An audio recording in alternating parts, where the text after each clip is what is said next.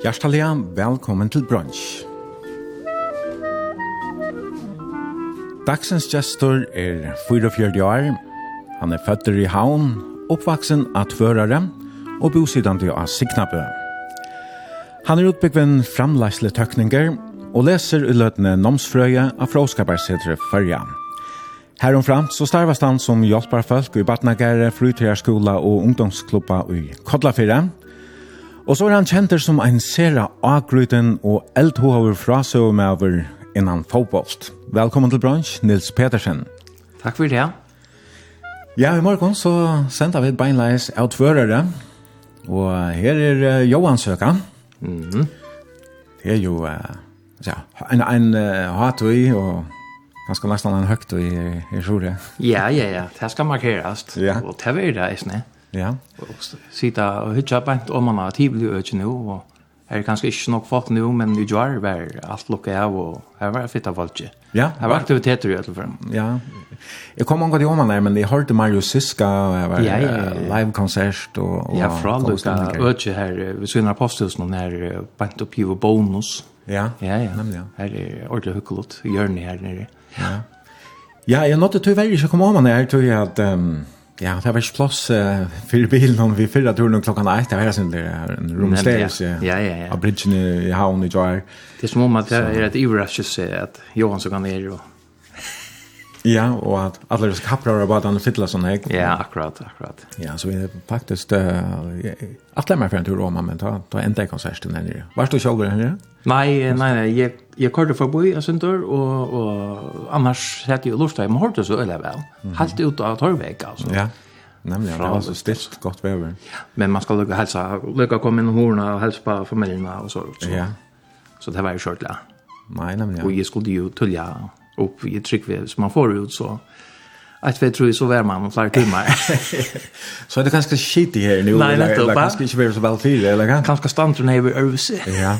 Men du har kommit så över bäge halta Johan söker och att arbeta i snö. Så att det bäge business and pleasure. Ja, as always. ja. ja. Vad är det att du ska, ska göra? Satt ni det? Eh, på ett eller så kör som åker lite när så løyper ut av fjøren.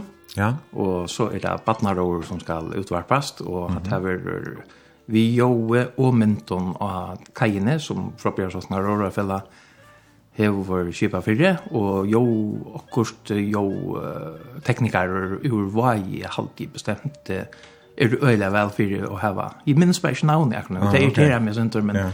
men det er ser at noen av det og det er ikke fram ur vel sust. Og så er det jo sjåan det tann FM-kapperen som er, for det er vaksne, og i kvöld ta er så att min nästa arbetsuppgave till så. TP och AP som ska ses fra. Ja, okej. Okay. Det glädjer mig att möta dem upp till. Så du ska skumta där ta han och uh, vidare vidare lite ner här så bant om han akajerna yes. uh, ombord en båt och så ut och se fra partnern och han vill strömter så vi som nog minns att han bant iron vid ända ja. så fast han, han vill strömter uh, live uh, akajerna och uh, onkrare så i vet om det är röra sambandet eller frågar saknar röra fälla eller för det är i ordla grejer i vår Men uh, det tack inte kanske. Nu hörde jag några timmar på att kan man ja, så så ber det till istället. Ja, kanskje onker sender et sms inn til dere, men vi sender jo ja. beinleie, så det blir til til luftaren. Nettopp, at, uh, endelig, ja. At sende dere, eller vi mest tenker til okkar spurning, eller en helsan, at 2400, man kan nesten finne Facebook og finne bransje her, stavast B-R-O-N-S-J. Men det er jo, um, det er jo årsøkjen til at vi sitter her i sol i dag, Uh, hette er den seneste sendingen i år, som er, og ja, nu blir det sommarferie, og, og jeg får nok at jeg kan stekke eisen nå 18 av sommerferien, så, så det blir nok en, en langere stekker av en, av en bransje for etter luftene. Men det har du sagt når du er. Han tar hyggelige røtten, og Det er nok som, som damer vel av å fære opp en, en leie morgen og lortet i. Ja, nu var det så ikke leie morgen, men, men det kommer nok å gjøre og kreere sendinger neste år. Men jeg får ha sagt sakna det selv, det er aldri helt otrolig hon alltså för att mm. vi kör fast glädje morgon. Nettopp, nettopp. På morgon med men morgon har vi bytt om på like lot när då då bort du ju så det och här till föräldrarna så det här här är fullt av fast och neck button och så är. Ja. Så vi sitter faktiskt här hemma som är byggva i husen och tja väspappa väspappa min och han som han äger husen samma vi syskon och jag säger här här han är uppvuxen. Og her er eisen godt kaffe. ja, her er godt kaffe. Han tog alle brukte kaffe til her da. Og det er mitt uh, i boinon, halde man sier. Men det kallar de det bygg til det boi. Hette er tvører boier, ja. som man det. og du sier bare om man har Og, ja. og fjøren om man har mal er så her som du, Uh, er som du skal arbeide om man har løtt. Ja. Og vekkriver er bare godt om morgenen. Det må man si, ja. Nå har vi... Uh, Mjörsson, att Håkan hur hotell där snygga sig. ja fram vi Tjaldaviksholme og Nerskast Åkon, men, eh, men her torst, og det er viktig at da, og her er ikke nekka sølda vinti. Nei. Her er minnen 20 meter av skundet, her ser man annars, tar vi, det begynner å kvittna, sånn det da, ja. alt er toppen om. Så, så, så ser man at det er tomme for greken, og så er 20 meter av skundet. Ok. Så det er minnen til han jo, og det passer vi, vi er jo forsøkene, Ja, och så som rårar lutjande är det fint få inte vara. Och här är allt övrigt, ja. ja. Helt säkert, här är fralagt. Nej, allt det var, var inte senast, jag var så att det här tvärare att, att råren blev utsatt till dagen efter. Sånne det hade jag, jo. Meine bestämt. Jag minns inte ordentligt när det var. Det var god, jag minns inte, men, men det det kommer för mer än en affär. Imsa stannar ju förr. Ja, ja. Men... Uh, som nämnt några ferier så så är det alltså här så du och vitar att det då för en natt till rötterna kan man säga. Eller du kanske kanske då sen inte du kom hem eller kan ta det som så. Alltid, alltid, alltid, alltid. Ja. Ta ta man alltså man kan ta mer ut vör men inte vör mig. Nämligen, ja, nämligen. Och to um, bort som vi uh, nevnte i Eisne, av Signabøen, du er ikke lunch men... Uh, Nei, godt, godt vel tvær måneder her og Mhm. Mm. Og Og det er nok så deilig at få tidsje foton i avspidaren og sånt og, og komme i ordentlig an idol og, ja. og ta regn og skære og og sensurera i natur. Helt ja. fantastisk. Her er nemlig helt utrolig lekkert, ikke det? Jo, Her. det er sikkert. Det vet du alt om. Ja, men det är som så som som du sier, där jeg har det her här är dejliga litt. Mm. En deilig bygd. Man så kan man gå for arbete är sanne men så komma og... Nemlig, ja slappe av. Mm -hmm. Og, og ta, for, ta helt store av forstyrrelsen. Ja, men ja. Og du bor der sammen med uh, kone dine? Kone min, ja. ja. Som sikkert nek vet at det var jo en uh, langere grein i sosialen og i, i mai måned. Mm -hmm. Hva var det en av vike? At nå har blitt levet at det kom alt. Ja, godt og vel, ja. ja. ja. Det ble jo gift i, i mai måned. Den 13. mai, ja. Mm -hmm. Mm -hmm. Så det er, uh, hva sier man, man, jeg vet ikke hva man kaller det førskolen, altså danskon sier man bibrus det ja man hever att han har blivit leben nettopp nettopp och och har så inte valta färra broar för på andra vägen det gör nok. men och färra broar förna eh i oktober atlan oktober man har färra går till Filippinerna mhm. Mm tror att eh og så ju färra en broar för och så visst det inte att batch en ein av eldre batchen om tja out konne eh ska giftast i Filippinen og i halvdet av 14. oktober så og teka oktober ur kalenderen og færre at stola ja. i säga. En av dobbelta broar før. Akkurat, ja. tycker det er ekne og så eisne. Ja, og kvartan er okon hever veri i Asia fyr, så langt, mm -hmm. så så det blir veri rettelig spennende. Ja. Ja. Det er jo spennende. Mm -hmm. Out, nevnte du, kondina. Ja. Hon er ikke her sore fra. Nei, ja. hon er etta av skala. Ja? Ja. Mm -hmm. Hvordan, um, hvordan møter en, en tvøra med over en uh, skaladame nu og døren? jo, uh, Fyr, Fyr var det Ola søk, eller Johan søk. Men, ja, nettopp. Nei, togene brøytast, ja. og, brøytast vi. Uh, det var faktisk av neten. Mm -hmm. Ja, det var et som eit Tinder. Ja. Og det vet, det er en sånn dating så ja, eller så, så man, man uh, skapar relationer inn i her, og Og her virker jeg en mer øyelig avhavert og Og det er et nærmest. Ja, ja, ja. ja vi har hørt om det. Vi kjenner omkring næsene som har funnet et av uh, mm. Tinder. Så det, det fungerer ombant. Mm. Ja, sikkert. Og tid, tid, ja, det er så rymlig nå, til møttes for hvert uh, halvnøy. 21. november og i 21. Mm -hmm. Ja. Og det er ikke så Nei. øyelig gammelt. Så du minnes akkurat datøyen. Yes. Så. Ja, ja, hon fejer i benen hon tar meg. ja, hon eier så nekker uh, halvvaksen og kanskje sånn, ja, nesten ja. vaksen bøtene. Fyra bøtene eier hon. Mm -hmm. 15, 16, 22 og 23 er det kommet er det. Ja. Eier du selv noen bøtene? Nei, det har vi ikke. Ikke som vi vet om. Nei. Så du, du, du finnes familiepakken, som du ja, sier. Ja, ja, at den ja, men det her jo er Det er jo godt. Jeg vågner tid for jeg tror det var vel å sikne bø. Jo, takk for det. For å ståast. Nå bygger vi det bare til leie, men det kan være at... Ja, på leie på Hawaii. Ja. Jo, jo, her er stek hun har lått og, og, og utleieren tjogen er utrolig blod og tog. En fitt eldre madama. Ja. Og det terger øyelig vel. Mm. Ja, helt sikkert. Men uh, ja, vi tverre at prate om mengt og kvært i morgen. Ja de som har fyllt vi i fjällmiljön og kanskje sen lite sosialen, så min man de tagit känna en pasta og søvn og der. Men uh, vanande vil det eisne også Anna som vi får prate om. Begge til personlige, og så eisne ni om arbete så der, og passionen så der, då er du tepefjepper om mig. Yes. holsa. där. Ja, det er for nok å vente alltid til eisne, og så søvn om hvordan du blir jeg at sier fra fotballet. Mm. Du jag har jag tror väl att säga att du har en egna stil. Ja, som från så mycket lägger ja. Det är sannhet. Wow. Tja, för vi där prata om sidene och och mäkt annan. Men eh, vi ska på andra sanger. Du har du så på allt ja, forskjellig blanda. Her er uh, vei førest, uh, ja, nesten helt om man være førest, og så også utlengst eisene. Mm -hmm och kort angst och Ja, men det är ganska lösare jag syns inte min musikmark till till öliga miksa og blanda och känslostort och minner och och att det rötnar. Ja, ja det tar mig nog bäst alltid tänder mest på alltid. Så det er vel alltid mest Ja. Men vel, da man ska välja nærkere få på sjur man går valgt flere og tusen av dem, men. Ja. Men att det blir så där Hesvi. Ja, nämligen. Ja. Og du uh, Ja, hva skal du da vi hånda? Er det nega som du...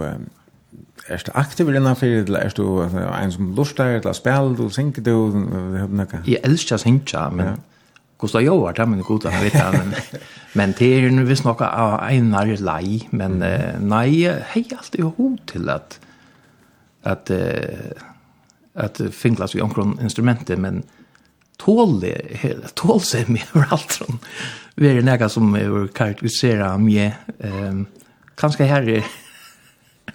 Det tar oss en lenge tog, kanskje? Ja, for bulterpassaslier og noe annet spennende. Alle togene, jeg vet ikke. Ja, man er sikkert ikke flere diagnoser der man har holder om, men sko i tvass. Men jeg, jeg damer vel en jota tonleik, men, men som med køyra tonleik og at jeg skulle lesa og gjøre en oppgavesort, mm. ta er det totalt forståelse for meg. Ja. Yeah er bäst vi en hermetisk luckad rum och för ja. fri vid tanken. Ja.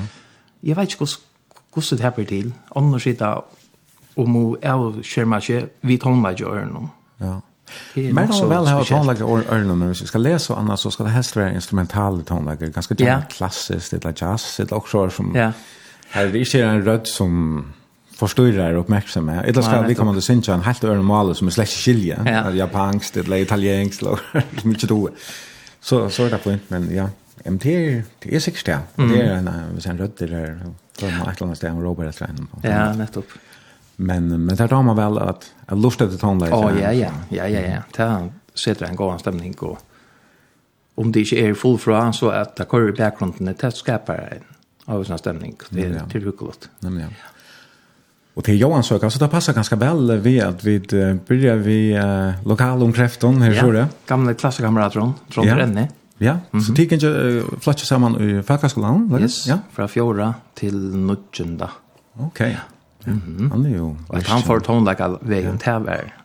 Tävär pura greit. glätt. Tävär tävär skriva i støtten om Arna var født og alt. Ja, ja, han spelar ju hot nice nu. Ja, ja, ja. Och jag donar lite. Han körde foreldrene Eisne, och syster och Og ja, og familjen ja. nesten. Ja. Faktiskt. Och lilla bajon Og, ja ja, hela målet. Ja. Akkurat det her som sanken halde jeg ikke er utgivin, eller jeg, jeg prøver å leite etter han av strømmetjennesten, fann han ikke, men, men vi tar hans for kipan tja, tja Og det er brantor og, og trønder halde som synes å spela saman. Yes. Fui, ja, fui akkurat henta sangen jeg sidan? Tui, han er omtvører, han er uh, gjørter av Munnen klappsarkamerater og Brantor til så trontor. Og Brantor er klassekamerater til Lutle, Lutle søstrene. Og mm. det kommer nok ikke helt så nok tettere på uh, hva sangen vi går ur heimstedet, og så det var opplagt. Vi har her enne og trøndemne og sannsyn av falske som ter. Musikk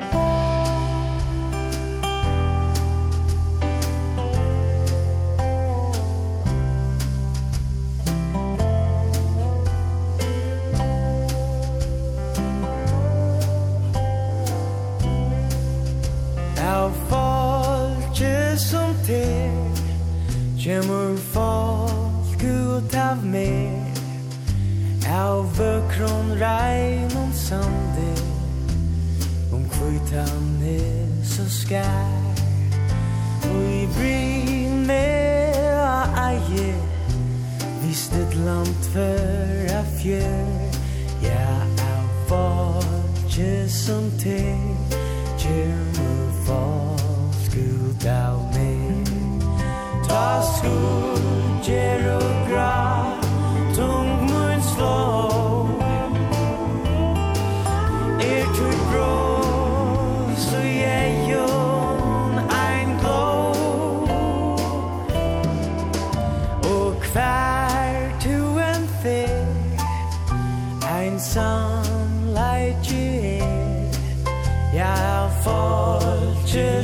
day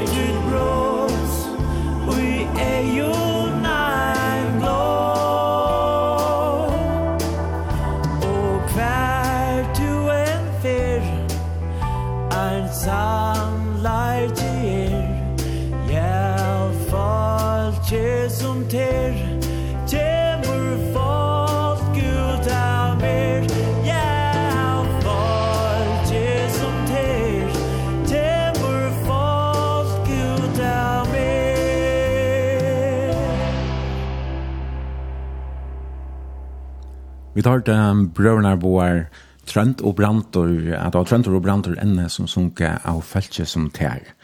Og det er Nils Petersen som er gestor i bransje i morgen, vi sender beinleis av tvørere.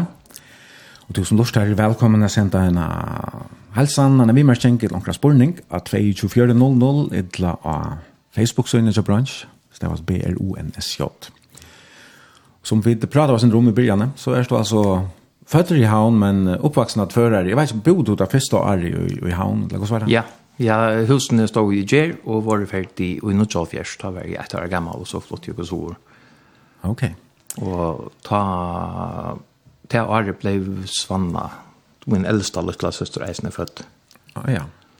Annars äh, mamma du är hon ur havn eller? Hon är atta ur havn, ja. Går hon Ekholm. Goren Ekholm är hon ta ja. Dotter Sverra Ekholm och Anne. Okay. Anna Fyrvende Johansen av Glivron och Sverre ur Västmanna. Ja. ja. Hon har så arbetat här i Soria. Eh, Lägg oss hon är uppbyggd med en uh, socialpedagog. Social specialpedagog, Maja ja. specialpedagog, specialisering. Mm -hmm. Och eh, arbetar så som det är lei mamma og i flere år, og så da i badnagaren kom, så får hun inn og arbeid her beint. Og til søste nok vi årene var hun så leiere. Mm -hmm. Og i morsnøypen i halvtid etter, badnagaren inn i Trønsvei. Ja. Og hun så ferden fra for i alder. Ja. Ja.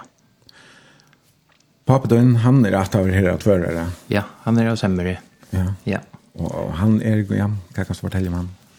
Ja, pappa, han er han är tepjär om en, en hållsäsne. Um, han är utbyggvån playare. Nu är det nok uh, sosial og sådana hjälpbarhet och så, jag vet inte. Han er är utanför ikke till langer. Han arbeider så av uh, uh, Etlesheime och i uh, ja, nok herrens år. Och så kom kreppan ju i 2005 så man skulle ner i lön och ner i tøy och det blev inte alltså det var inte i ordan och det, det var det var för något var att allt så han fick möjligheten att arbeta av del 2 i så i på någon i hamnen okej och här var han i 30 plus år ja, så arbeide en av och bo i tja sviger mamma svine oppe ja. i Gondavelle mm. och fru en av här her og her passa ett passa i. Okej. Ja. Så ja, systrarna har sagt att här är det när jag väl yngre än till så, så jag ska säga att han, han yngsta, hon är 11 år yngre. Ja, så, hon kanske hon börjar säga pappa sen är för en vecka. Till, till så ganska väl han har yngre tal och allt. Ja, ja, ja. ja. Jag arbetar i han. Ja, och jag gör det mot yttersta till att vara att han förfärligt irriterande. som är min plikt, i alla fall. Nej, och komma väl det att du, och går hej och kampar. Men eh ta var akkurat som tan äldsta lilla hon eh Holkon Flojon hon får så några för att han har att han har sår hushållningsskola. Ja oh, ja. Och och spelade annars eller väl så man här så här första tutju åren här där bara var och be. Och hon är efter en grön tvåa. Ja, Svanna är från och Hier Här åtta fjärs är det och nu Jolfjärs är så Svanna och nu Jofors är så ett nöllaren Katrin. Ja. Ja. Okej, okay, så hon ja ja, hon är hon har samma uppväxt som är som är ena barn, eller kan? Ja, det kan vi. Fortsätta låt hon ju. Nej, fast. Till ehm och Ommer och appar och så har det så haft ett ett sätt i havn och ja alltså te om mamma appan te jag säger om mamma om mamma appan så är det att hej hamne till att hinne hej inte skapta service relationer till jag är så lite Appan kjente jeg omgang til. Han døg ganske da du var. Jeg halte han døg og er om jeg gjør føtter. Det var han over, ja. Mm. Og man uh, Ismar av Asemere, hon eh, hon døg heima til åkon da jeg har vært kvært nå er du ikke er gammel her, nei. Inni i kameran hon tja Svanne la hon ta aller søsta, og kistan ble så Eh, fer ut, hon får ut en vinter i är. Bei born ut och väntar i och hack var och i fler han så här och i vintas karmen. Okej. Okay. Det vill det går inte reparera till att det var ett sista minne. Ja, ja. Det var något speciellt. Mhm. Mm så nej, jag kände han inte några sörlot. Nej. Men jag har nog även uppenbart trots och Ja. Ja, jag vet. Alltså alltså det finns jag vita eller Ja. Öron att du blir till henne. Ja, jag hade det man kanske. Man känner några skrin i allt. Ja. Och så varst du så näck i havn när snö färdas så om och appan den här. Ja, ja, ja. Ja, helt haft det är några gånger att höja. Ja. Jag kan ta ta en kaska. Ja, äntligen. De flesta runt förra om var fortalt. Det har om mamma men och kan ta kan hela resan. Mm. Eh mamma och pappa skulle till Imist och så har vi så just tja om Japanen, det var alltid klare å ta imot det. Og så har jeg vært suttet på alt. Hva gammel jeg har vært, jeg vet ikke, tror jeg fyra fem, her alai. Og appen er veldig ordentlig alltid. Ordentlig tenker noen, og funnet og pent og sånt, og skulle jeg lære fem år. Mm -hmm. Jeg var jarvor. Ja. Eh, jeg vakna så og høyre stakan opp, ja, om man flotte stålar så, så visste jeg at nå er morgenfilmleiker, og, og sikkert har vi også, nå er morgenmæter. så jeg løyper opp gjennom trappen her, og, og høyre klassiske tonene at nå kommer Morgan lesteron. Og ut i at jeg kar hårene opp, så høyre jeg at jeg var bryr, og appen sitter her vid temene, og og alt er klart, og så hører jeg at jeg var bygger, og så skrev jeg tottene i munnen, og fem måneder på, han hadde du vi eisen, og han korset ikke og alt, og. Men eh, Hasen, han er jo dømt av godt, han bygger alt, han har fortalt det rundt alt før jeg. Her som han er kommet, så, jeg har møtt folk jo gøte, og, som ikke er annet, så jeg visste om at det er, og, Vært at hus som sier Så han är nästa kropp till crossen och sagt ja, det är det. Så man kan så kan man kan man dra en en linje fram till karriären att jag där som fotbollsvimmare till här. Du, som jag nämnde, du har den egna stil, man kan säga det så. Alltså, mm. Det är ett annat vi uh, Soria Mali och Ajon alltså det här det här är liksom pastor av Mali man ganska mer än det är man, man släpper kanske alltså inte lättare vet du ja han och Soren går i lock så där ja. Det är det kanske inte huxa så näck om det helt till att här nej inte sällan nog faktiskt men men tar man så kommer jag där inne och hör en Soria ordliga förgångt alltså ordliga inte lägga fingrar med lån så onkel du så så först alltså inte men ja, alltså. men alltså man huxar sig ju om men man kör det och det är nog läge sina läge tror du det är lätt mm. och en explosion i sig vi är ja inte ligga och dvöla och tvätt och, och så plötsligt imploderar man Nej. väck i väck vet du och det har alltid trots allt det friare att det blir inte bultar så lugnt Ja, ja. Man ja. tar til solrummet til søte, ja. Ja, men ja. Mm -hmm. Men det är ganska här i kommunen alltså kan du bara ta tala för mig själv van här man kanske är mer vän vi har också om hur man ordnar så vi kör yeah. för äggvisler och så ja, när de första färgerna här det vi hörst man säger solningar ordentligt utfallta sig, ja. Och det blev nästan det klart. Det kan være sånn drogslott, ja. Ja, och man har sagt, hur ska det skiljas? Alltså, nej, alltså, Men så, så skiljer man att, ja man ska inte inte skilja det som norr, man ska röna seg det som norring. Nemlig. Han hukk på en tid här att det kommer till att säga egen her. Så, så. At en eier vi glemt i eier, og hun, hun er funnet kvart. Ja, det får så har vi det som lykkes som uh, haft en disclaimer nu här i sändningen om det skulle komma några äger om du första banna eller sen drunk in i mitten så ska man så så är det faktiskt bara dialekten nästan eller Ja ja. Ja, jag jag var det och jag blev väl friare i i shower. Mhm jag röjna också mig om, men, men så blir det ofta för pratik och skränna. Jag är ju inte ordentliga jag vill se. Men här, så, härifrån så till att vet, ramsa en svart upp, det är inte nejot. Nej. Men eh, alltså under äkthet. Det är alltid jag, att landa vid en djögn må, må vara där. Hitt blir för konstigt och ja. nej, nej, nej. Mm. Men man säger också att uh, Solningar hava hett blå, men ja, några ganska ja. Jag hade det, ja. Jag hade det. Men uh, to uh, har ju uh, sagt fra fotboll til, og her har de eisen man uh, tydelig legger til mest til, uh, det som vi tog som beint nu, uh, to solringer og at de sier tingene er sånn til øvelse. Og det første årene så varspet du jo ut fire tepe, altså det var mer mm -hmm. lokal utvarp. Yes. Og settene så fort så arbeid for kringvarp, jeg kan bare ymynda meg at det var ganske kraft, krafta synder av en oh, ja, ja.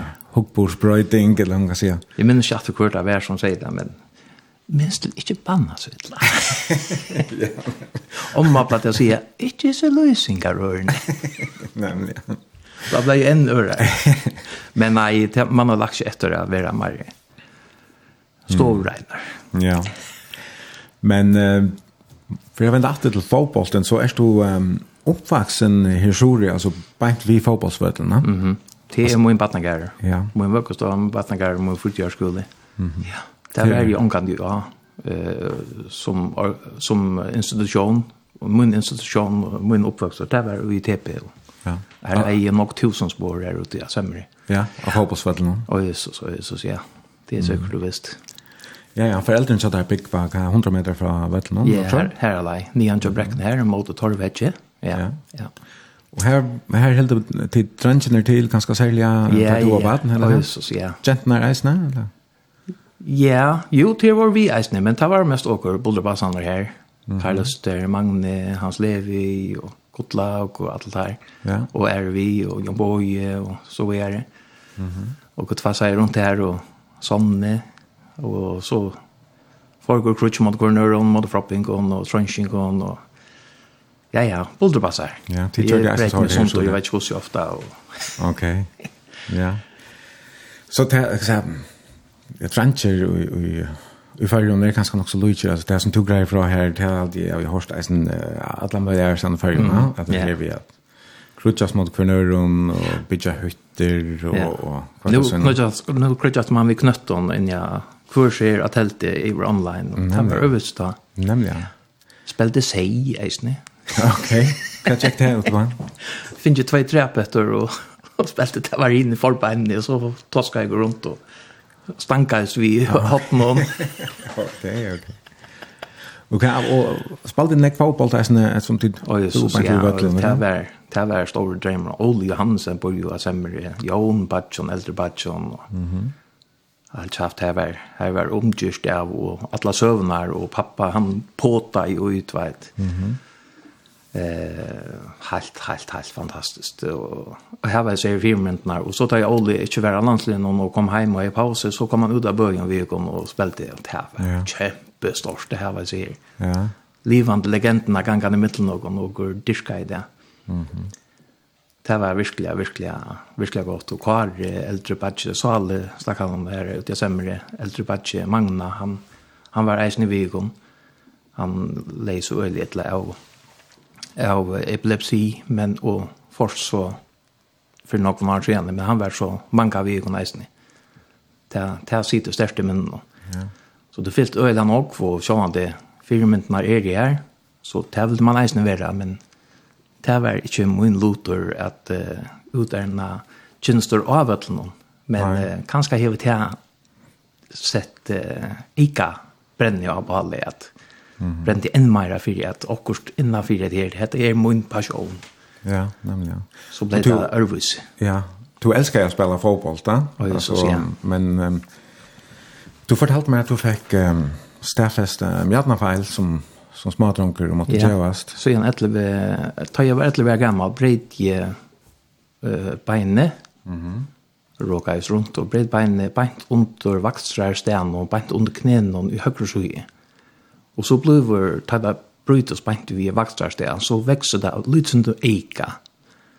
Eh, ta det begynner å vekse sammen. Så til høyre beinet ble halvann annan centimeter hekkere, langere enn vinstra. Og så mer tinkt av sånn det av vinstra bein. Og da fann man det av at mjøtten og vinstra så i verden defekt. Ja. Vi var føtter vi en mjøtnafeil, åpenbart. Som, som nok livet har i alfjers forskjell om her alene. Ja. Åpenbart, de vet ikke hvor og kvæt det kom jeg, men merker hun inn i ui mjætna høtten og sjåvan. Han smuldra just, eller så. Mm -hmm. det ble så stedfest, men ikke kunne gjøre for en sjåvan, det var fullvaksen, ja. Og som nøytjana gammal i tjej av fems fikk jeg det så skift. Og det ble så kapott atter, og fikk så skift atter nu 31. januar nu i år. Ok. Nu skulle det gjerne vært i en 30 år. Mm -hmm og ja. kanskje ikke så boldra boldrasig langt. Nei, men um, hvordan så värst var det vel for spalte du altså jo du heier jo hendene her, jævna feil, men ja, det var ikke nekka som snär. Jag lukar väl jag jeg visste ikke. Ja, og och checka väl hade väl fyra spalta ut det var normal. Jag helt helt og hyggelig godt skått. Ja. Ja, det tar mig faktiskt se jag selv, Det er et öjlott öjlott skått, og det leier meg för at jeg vil det alltså lägga alla salen och i kvart ena så ett skott. Mm -hmm. Det har man kan at, at det rikker jeg øyla vel. Men jag jeg fikk alt rundt. Mm. Spelt den der sørlot. Jeg kunne komme inn og ha det fint, og tvær minutter at han har et skumpund så innan ferdig. Ja. Og, og opphiting langt til vending kunne det være ferdig. Altså simpelt enn. Så jag jeg at beinet skjølt mjøten om klarer jeg ikke. Nei og jeg ble tinkri og tinkri, det gjør det heller ikke nemmere. Nei, hva er det her, altså, at han har det her, eller hva, eller at du blir jeg tenker på, så langt som Ja, jeg har okay. altså jeg kan ska eh hej onkant och ordliga kontroll och det som får den om och ta ju så fick bultras runt som jag ville så så kan det bara en väg och det blev bara very very och Kjols har lite sjående for uh, knäck och Scholz virre och allt det här. Det var en øyelig rinkras som bara ble verre og verre. Mm. Var det ganska en kompensation för inte kunna hona sig samman vid hinna drönsen av vettnån så kunde du hona där ja. samman vid och, ja. och tröstespelning och allt det där ja, ja, ja, helt sikkert. Men to break uh, by the mine line affair som smakar Oj, sånn navn, ja. Jeg, jeg bredd meg sånn nok sånt at det ene ferien jeg kom til laknam vi en, jeg var dottern uh, kanskje han finner gips i av det ene beinen og beinene var sånn det wobbly. Så fær jeg et grån om at jeg har en trappor og en steiner enda i tett på eia, inni under eia noen. Og lakna spyr så om man ikke bare skulle gipsa nøsene nå eisene. Og jeg trykker vi han kvakka som du vet i bæreise. Han helt han skulle være stolt. Så lite dra ja ja, han skulle komma här spela Karl Marx släppte fel något. Så han fick jag veta. Han stussade vi, att lilla Asen skulle komma. Ja brukar inte så läs. så du måste ju oss vi spela fotboll men så mer ah hon Lucas Storer tumt och en väl så och hitcha efter hin och så spalte och så. Ja, ja, jag var fullständigt alltså allt. Men den lägger vi här nu ser du ju från fotbollstesten där plattar du inte jag hur långt som smartrunkar eller kat. Skriva jag alltid upp och spelte att jag var tann. och ja ja och appen var ju ofta utvarp någon och fortalte server och hej hei jólasendingar, badasendingar. och det var Sverige kom. Sverige kom, ja. ja. Mm. Läs ofta server, hej så öliga av har varit där roliga rött så det har vi ofta lagt mig efter det. Han är inte sorgent dialekt. Nej, det hej han gott nog inte. Men han kunde bli så här. ja. Han var öliga, öliga rolig roliga och ehm um, Holy med allt. Okay. Nu vet um, tosa om battendom og det er jo Johansøka. Hvordan var uh, tattoo av batten? Hvordan helt det Johansøka da? Ja, her minnes jo Tivoli og, og Sorma, Fyrir, Vester og massar av folk. En tjokk, hamrande folk og smyr og leie at og kajen er ta framfor i flækaversen her, vi er en pelagiker nu og det var stikkvande folk til folk og fotfolk og så spennende. Nei, langt fra morgenstunden. Ja, ja, ja, og onkel la slett oss ute vid kyrkjen, og så, hva faen skjer det? Det var, det var garretende vilt, og det var som alla sig seg, altså. Ja. Støvnene er fyllt det så ohyggelige nok for, det var det eneste, det var ikke festivaler, og, og det er, altså, hinte spettel at det ikke er langt, men tog er ikke ordentlig til det. Mhm. Og kapprar folk ikke være, Ja, det här var det alltså. Och i några dier. Nu är det. Så jag skjort rör nu är så holandsvart i våra smyrol och alltså det. Och det släpps just därför att ha kommit ut kväll. Ja, här är det. Och det är ju så låtsas som om. Här som man hellre skulle kanske också. Jag vet att det här var i minst och skulle jag i minst. Men, men Du släpper ikke för en gång mycket. Det tar roligt. Ja, ja. Det er sikkert flere som er, du atlas här ganske færre til några konsert i Havn og Voxbolt. Ja, det är ju 27, det er jo 27. Men ja, Så det är det är näck bröjt. Ja. Jag var så kan näck bröjt. Helt säkert, ja. Kvar var hatta punkt det här som bad. Ja, fotboll. Ja. Och så har jag kapro och så tjej jag trodde så illa att det var som full full folk och det var ju hela folk blev tvätt och skumpa i i havet och ta så jag jag sa bara till för mig. Så jag trodde inte så gott om man av målan men av höra. Eh jag kan ha gjort här och gjort vart någon bröd och skrutcha och spänning runt här tvåt. Ja. Och förra de vann. Det är grövan det när det var helt fantastiskt. Och man lärde sig att levde sig inte och drömde sig inte in i terrorna. Ja. Ja. Det vill det ena för göra och Ja. Och tack ik. Ja, ja, men ja, nu ska du själv se fra. Ja. På ett annat sätt så ska du skunda när man kan se fra partnerorna. Ja. Men det är så inte fyra kringvarpen, men, men till fyra röra samman. Till röra, froppjar sakerna röra fälla, ja. Ja, nämligen. Ja. Ja, så nek brøyt. Uh, hva er hatt punktet til at det er det? Er det fremvis... Uh, altså jag Johan så er det ta fotballtrinn? Det fotbollslen eller? Alltid vara fotboll. Ja. Ja, ja. Så i så måte er det nok ikke brøyt? Nei, nei, ikke så. nei, mm. men men uh, ta vår gå bättre vi ta hemman så alltså jag stolthetskänslan är det här allöga hon får aldrig att forsvinna, men Men det var sent hoaligare och det var inte nog mer folk till dyster. Mhm. Och det har hela tiden mer folk på jag ansökte då. Ja, ja, ja, nog nog mer. Alltså folk är ju hot att komma in om linjevägen vi först och Ja. Eh, det var helt helt alltså öjligt som som det fyllde nog men man hejer inte något annat då. Nej, och när jag just kommer ära stämma. Ja, ja, ja, och det stod alltså hus var det propp hamrande fotboll folk som var flera dagar och det var, altså, bygve bor, og kjempe morgenmat og kvante, og, og tveit, folk kom alle stedene fra. Onkel kom jo en kameramann, ikke anskivet av vår her, og så skal jeg være fremme folk her. Helt utrolig, altså, ja. som det var spesielt. Ja, helt og to, uh, er det, några chanser för att for at han tog inn kan, kan komme etter? Man vet alt, men, men trykk vi ikke, det er så utrolig nok annet vi folk, og, og, og nete, og, og möjliga är annars. Alltså tog hon inte sitta i havn och njóta av Johansökna för... Nej. Ja, jag tar det inne. Det var inte, alltså det var inte möjligt. Skulle du ha det vi? Ja. Färre säga. Ja, nämligen. Och tack Renja man inte om smyrol och så. till. Det var det som var. Om man accepterar det, så är det. Ja, nämligen. Ja. Nå, men jeg hadde visst for å spille en uh, sangkatriat, og han er kanskje ikke akkurat nekka vi til å gjøre, men uh, hette er, uh, du valgte vi skulle høre sangen Bygdafrell, som uh, Ronny han synger. Ronny, yes. han er at av kodla for det, nå bort du selv hinne med fjøren her vi har på.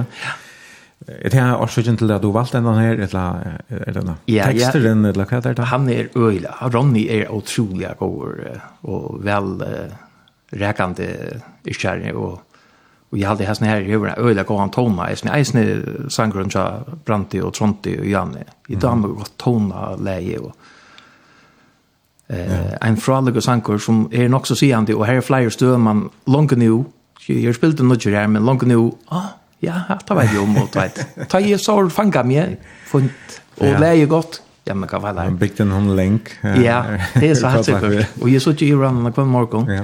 Nej, det annars snackar du kan identifiera det vi alltså följde det som är byggt av fred själva resten. Ja. Ja. Ja. Så kom du kommer från boja. Jag hade det helt. Jag jag elsker att inte alt er lykka, och de er det slett, og jeg behøver ikke lykka som alle inne i fargen, og jeg alltid er fantastisk. ja, Och så är han, jag syns inte det er, er humor ut, ja. Ja, så var det, og det skal til, at det er, Lusens krydderi. Nemlig, ja. Mm.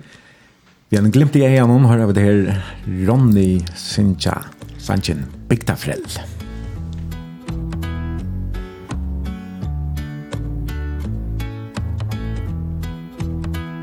Ensam at lur, gengi tjøkken gøtnar og stromar, fyrir folk av bakken om Ta en suji, at du kjemur genga det Point fram av du mer Sæt jer om, sot jer ind, blås mig opp og spærle støv, rør, røv, vi hej til. Kom nu, heim, vi gjerne koffer din, tje, og jeg skal vise dig, hvor så langt, blik din ære, men du sier nei, nei, nei, nei Tag ham i øje, følg svi Du det ai, ai, ai, ai Stør på jeg følt som er, du sier nei,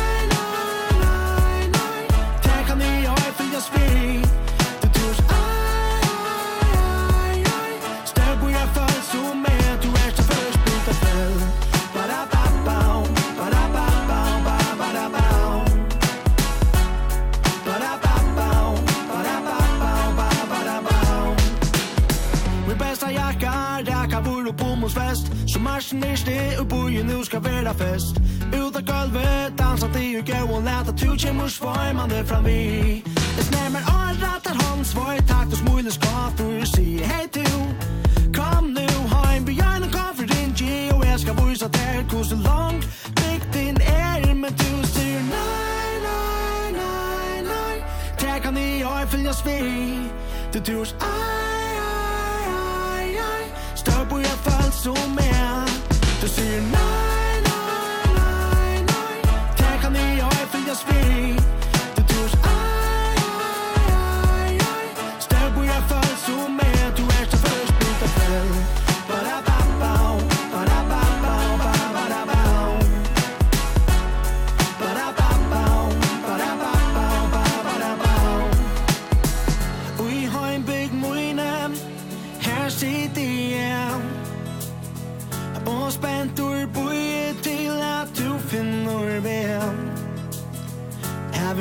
Så nekvar at de have mistale Skilje ikkje kvui Du her i kotla fire Her i ikkje gale Vi kunne færa tur i høttene Am svimmer, svimmer i høttene Genga ned i tegel Vi ikkje okra fota bata hin Han tur til bo boa synsja følge inn Samma vi vinnon A kafé bygda balsama vi gjør til vinon Som i rena etter dam Og nere etter seien Jeg og turen at til børka etter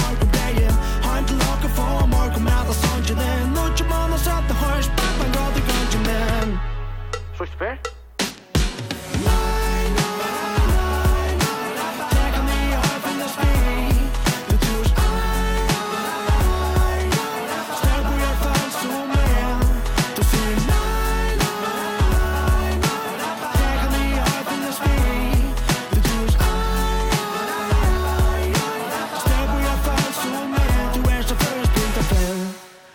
først Bygda Frell, vi hørte Ronny, synes jeg, og til er uh, Nils Petersen, som er gestor i brunch i morgen. Vi sendte beinleis av tvørere.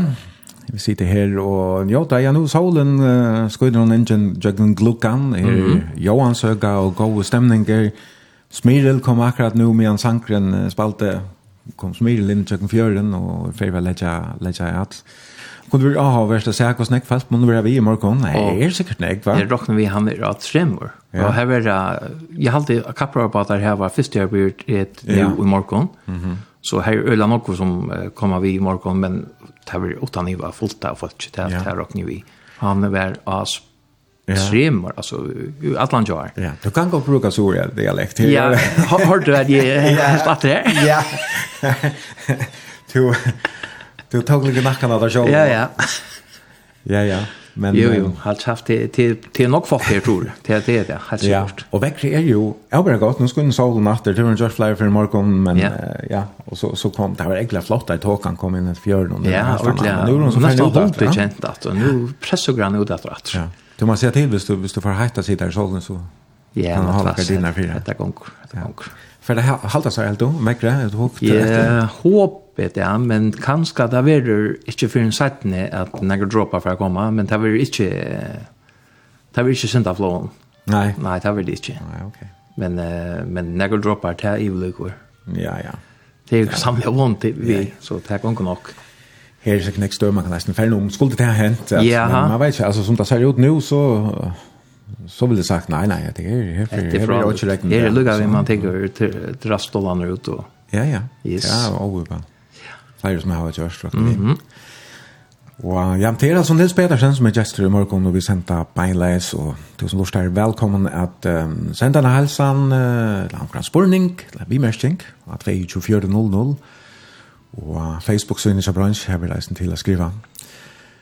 Nils, um, vi pratar oss inte om um, frøytuna tja der som baden som så du var oppvaksen bant vid fotbollsvøtlen her av Søvmur, ja, og tepe vær det helt stora, altså. Det er veldig negg, og lønnen så der ta, det kjert han nok. Det er det, det er det alltid å gjøre. Til min dødgjende det som Jon Seidsgaard ena for seg, for Lillian var i alt, ja. Jeg vet ikke hva hun sier, men det er ena for alt vi. Yes. Du tjekk, um, du tjekk så ikke i skola her, du blir jeg ikke at fører, ja, men, men i Ufropa. Ufropa, ja. Hvordan spør det tror jeg er Jeg vet ikke, altså, man har jo målet han ferdig enn at fører på en av veien, men det ble mett uh, at de gamle, at det var kanskje ikke uh, akkurat tog hun ta. Jeg, jeg var for uh, åtrykker vi ta ståra, og jeg kanskje forsvunnet enda mer av i mångtene. Ta var jeg ikke, ta nye jo det vi er nærrødt. Nei. Ta var jeg krupende fram, vet ikke noe. Så det var ganske fina grejer att börja till första tre årene ute i Europa og gjerne picka ut lärare, picka upp picka skola oppe i Hamre. Ja. Och så tar jag tre flockar hver, tar var bara först i andra tre och så får man inn i fjorda flokker in i tvøra skola. Det var okej. Jeg, Jag, jag vi jag är sånt det värre for det sosialt hvis jeg bare vil backa på ena vägen in här. Och så för mig smägen som var så ohygglig smäg. Ja. Så helt ohygglig smäg. Och och anke shots har lit, anke näka. Men det blev byggt så späglig upp. Mhm. Mm och fem minuter rött om man säger det så. Ja. ja. Mm. Du fortalte mig att um, att tid samla av stjärnor för gå avrik i skolan. Ja, nämligen ja, det men men att han men med om söndagsskolan som man fick en stjärna på för man man mötte ju upp så ska man ha fullt kors och det har också chailet så man är hål i mitten hemma inte. Ja, jo jo. In i stjärnan atlasen. Här var här var gudstjärnor för gå avrik och silverstjärnor för mel avrik och onkelstjärnor så man samlade på stjärnor godgjort man så. Mm -hmm. Ja, ja, det var helt sikkert. Det var en øyelig god motivasjon som er jo positiv motivasjon. Mm -hmm. Kanskje ikke som man eh, ser i bergspeilet, eh, har det vært et avvis trusht, mm -hmm. men eh, det har vi fungeret vel uh, på, altså reagera vel på eh, alle mine tog i halvdige. Ja. Men jeg kan godt fyrkla meg at det kanskje ikke har vært ens hoa lott kjøtlen. Men eh, lät här färra. Där rycker jag väl på mig och jag kan inte ordentligt koncentrera mig om mitt. Ja, det är nog inte när man vill det just i det att vi är. Nej, nej. Det är det det vi att vi gör en månad på någon på den måten. Det är akkurat det som är till den backsiden och ja. Ja. Så man inte har just större tankar om ett la. Man har inte lagt vekt av tandpaston. Men du tror väl i Europa och nu i Europa ju alltså det är också tatt på på sämmer här som du bor ja. Ja så länge jo ta nej ta och ta ta var öliga öliga väl öliga gott och hur så att du börjar att föra korta lugga väl att han så att föra ja ja alltså jag jag jag bor jag efter att att du slapp hem så jag slapp plinna Ja. Det var det. Det det var alltså Det var det som gikk fyrir sju i munnen. Det skulle bare ivestandast. Simpelthen. Men, okay. men jeg domte vel uh, fatsene og var rymmeliga vel vi. Mm -hmm. Ikke nekka prankande, men, men jeg tog dem en ting. Ja. Og slå ikke rundt om meg i ærmen og takk ikke så rymmeliga fri all fri seg alt igjen. Mm. Leivet sin det mer rebelsker settene i livet. Ja, Nu har du ju en greit fra, og vi kommer att prata mer om det seiten, at du, du uh, finns en gastric bypass skolvidgera. Ja. Yes. Uh, tror jeg du är som plan, kom, alltså vekk når jeg blir för høy. Halv för høy, ja. Hvordan er det som, som baden, uh, varst du eisne vi, är, du mer enn hinne baden, ja. ta, alltså skilte du de ut på tamadan? Ja, og, mm. og, og kanskje ikke så gyselig nok ta, men vi høtte noen, ja. verger nok ta. Alt det verger stårer, og forstårer. Og til øyel som til naka og gnia av kjølsalit og kjølsvirje.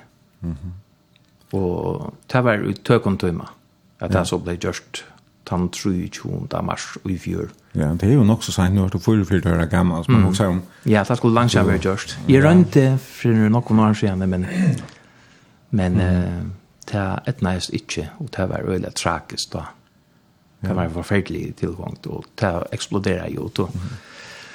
Men hvordan hvordan um, avvirker det lov til der som uh, som baden og kanskje tannaren reisende så var det noe som gjør det du, du ble mer ensam eller noen av bøten, eller at du trekte det? Eller, ja, jeg trekte meg, jeg har heier munner uh, løter her jeg domte bare å være for meg selv.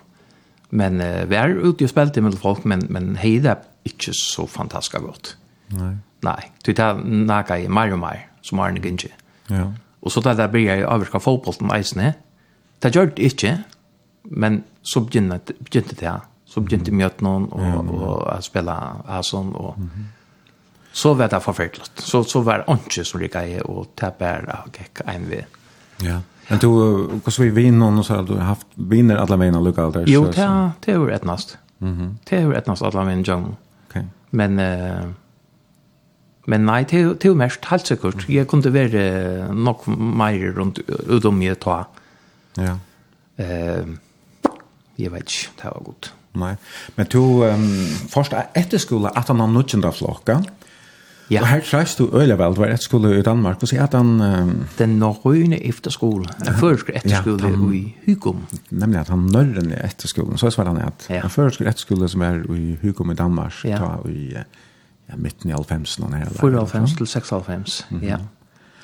Og Dette her, var Lemvik. Nemlig, ja. Mm -hmm. Her treffes du øyelig vel, sier du? Jesus, ja. Ja, ta, ta oppnå som en horisonter, og altså, jeg gikk til nødgjent av her, og, og, og mente oss mer og mer, men stadigvæk øyelig introverster, mm. øyelig krupende fram vi alle stedene, og så de så uh, pura rett eisene, det kom det at, uh, det är smart att lycka prova och annat helt ja. annat. Att nytt omkvar, Ja. En en en nytt frisk början nog svekna Yes, och det blev det sannliga häst ja, när det skulle man och man kommer känna folk imsastande från. Mhm. Mm Men hur var var var det större rymlighet här ett skolan någon eller vad alltså Ja. Ja ja ja. Alltså du har ju en vanlig skola men du bor eh uh, i en kollektiv samma vi uh, öllon ja. nämligen och en av lærere, eller två av lærere eh som bor här fast som har kvällvakter va ja. annars bor de runt omkring ja och ja det var fantastiskt mm. och så var det til tandsocialisering som Maira en hemma här vet du Aron da var vi i skola, och så var det fotbollsland och så hem. Ja. Vi får ikke ut av reika Vesterbojen som nok gjort det. Nej. Det gjør ju hon kan det lägga sig ut där. Hvor helt da? Det er nok veldig at det er introverta, og, man ikke følt ikke noe av han. Og, Så ble man spekelig hekta av det, sånt. eller så heit det hine til sterkere relasjoner, og man var vidla visst, men så ikke mer. Nei, ok. Og det brøtt oss av synder, man ble av synder mer. Man fann ikke synder mer. Ja, det er en skola, her hever du det här vi skulle ha gått samman allt och vidare ett samman och det är man alltså 40 timmar om dygnet ja. Nettopp. Och det det gjort det verkligen. Ja. Helt helt helt säkert. Jag släpper man inte att det är bara går man så väldigt gångst. Nej nej, så vill det då. Ja. Kom ut. Och var det kanske en annan som var samma stöv som tog eller ja. fanns det ja, ja. tunna lojkar. Helt säkert, helt helt helt säkert. Mm -hmm. Ja. Och här är här är fyra som som byggvar nere som stadigt har av ett samskift vi som fra tog tog inne. Mm. Det er, det er nok stått lott. Och så var det en efterskola som som lärde också stå en dent av uppläraren av kristendom eller eller kom till Det Det blev asentor men det blev mer mest av sättne. Ja. Ja, att han har mina tog här. Så helt där det är bruk för jag sånt mer av kristna i fall. Ja. Nei, jeg har haft. Det är därför ni var så ringar. Allt har blivit så haj. Jeg kjente et eller annet til nei, det ble ivetidja sentur. Jeg må lukka be om ombygging til at det sorg er det smengt. Ja, passende Tack men for det. Ja, Till nej, det blev sen då jag jag vet inte like för för ju tog det då men det blev sen då mera eh decidera att det fyllte sen då mera än än vanligt. Ja. Och jeg vet ikke om det passer mer så øyla vel. De halde det passer øyla vel, vi til sett opp noe som vært ha. Men det blir ikke, ikke så øyla vel økonomisk skilje alene. Ok. Ja. Men uh, en fantastisk tog som jeg ikke gleder at det. Nemlig. Altså, jeg kjente jo onkran som, som onker her, kjente jeg onkran som, som var her og et skolan, og hørte jeg eisne onkran søver, det var søver, eisne fjellmiddelen og så, som, som som eh, kanskje ikke, ikke var bare så ja, ja, litt positivt, ja, også etter skolen, at det var nok så vilt det som Jack Fyre seg, og jeg halte man hørte i eisen i at eh, kanskje røpte det her ikke så mye av dem eisen. Det kjenner jeg ikke til. Nei, det har ikke tog to valgt jeg, det kan ikke holde at hatt. Nei, jeg var helt år. Men man hørte at det var nok så vilt.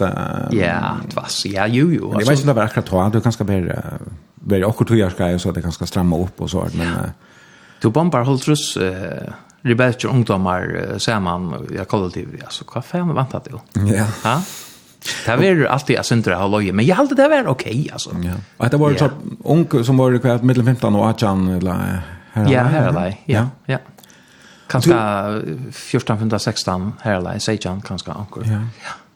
Og to varst der så oppi alt det her fra 4,5, altså skolar 4,5, 5,5. Ja. Og så etter 5,5, 6,5. Ja, jeg har det så mye godt her nere, at eh, 4,5, 5,5 var tutsjende for akkurat mer. Og så var, så ble det sagt at man kunne hava en, et som het etterlente flokker. Mm -hmm. Og jeg visste ikke hva det her vi og spyrir så inntil hva det kunne være, men det var altså senter av utbygging av tog som man har haft, altså. Mm har man haft för sig så skulle man ha ett stighackreator. Ja. Ett sort första att det är möjligtvis till studenter. Ja. Men det ble nog så nog det samma. Ja. Men, men socialt än bättre för mig. Ja. Alltså jag växt än mer och vi tog inne och mentost än mer. Mm -hmm. Så fackliga blev bara synderfriare och socialt mentost det kolossalt. Okej. Okay. Ja. Så du du tog faktisk tutsjende flokk tverfer til der domte så vel. Ja, ja, ja. Mhm. Och jag är just där glädje om mhm Ja, det var gott. Så till att det som helt kanske att det här var en skilla här i skolan, så, så kan du... Å, jo, jo, det var det. Det var organisera kaos. Ja. Nej, det var så greier, det var godt det var. Men det var ganska eisen det som du säger tojen, alltså ringta filtra vi och man har ju gott samband och så, och så jinkas över och onkel slätra hem och så vidare och så. Ja, ja, tror Så var onkel sväker några lärare och så fick finns ju föräldrarna där vita John telefon. Mm -hmm. Och så blev allt uh, fem höns blev ja, alltså en mm, en fjör blev till fem höns va? Var uppe i skom. Ja, ja. ja. ja.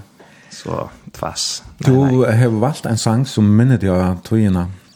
Ja. Det Uh, Twisted Sister som spelar We're Not Gonna Take It. Yes. Det, det är en sån rebelske sanker. Ja. Alltså. Kanske syntes igen det. Ja. Man, man blev alltså inte mera finner ikke kraft i dem Ja, Er det en sanger som, som ble spalt i reisene her nere i skolan? Nok, og ja. eisene og Aron uh, ute i Torvedje her hoker hukt lortet etter uh, revival og, og tar Johannes i revival, han bor jo bare vidja mer, mm -hmm. han har stora plattorna vi ett i Iron Maiden alltså och vet då. Ja. Twisted Sister Kiss och Wasp och allt haft ich och och, och Master och Kopa jag kan om och ja. Det var deiligt. En deilig tog. Det var våre kanskje noen idola firmenter, ikke at det kun... Ja, ja, ja, ja. Kjemna, det er kjempe orkestret som er så... Alltså legender. Revival. Ja. ja. Och så känna där och så där frät ör upp jag sen och 15-13 eller dagen efter stand och prata pura roll om Gerlands tänk av gudne till att det är otroligt. Och så är det alla. Och det är så fantastiskt att det är så sammansatt. Mm. Att här är ju inte bara tar ju är fullständigt när jag gör nu och väl utbundna alla samlar. Det det det är inte riktigt fel man kör lätt alla stannar på scenen. Men det är passionen. Yes. Vi kører han fra her, etter han så Twisted Sister, We're Not Gonna Take It.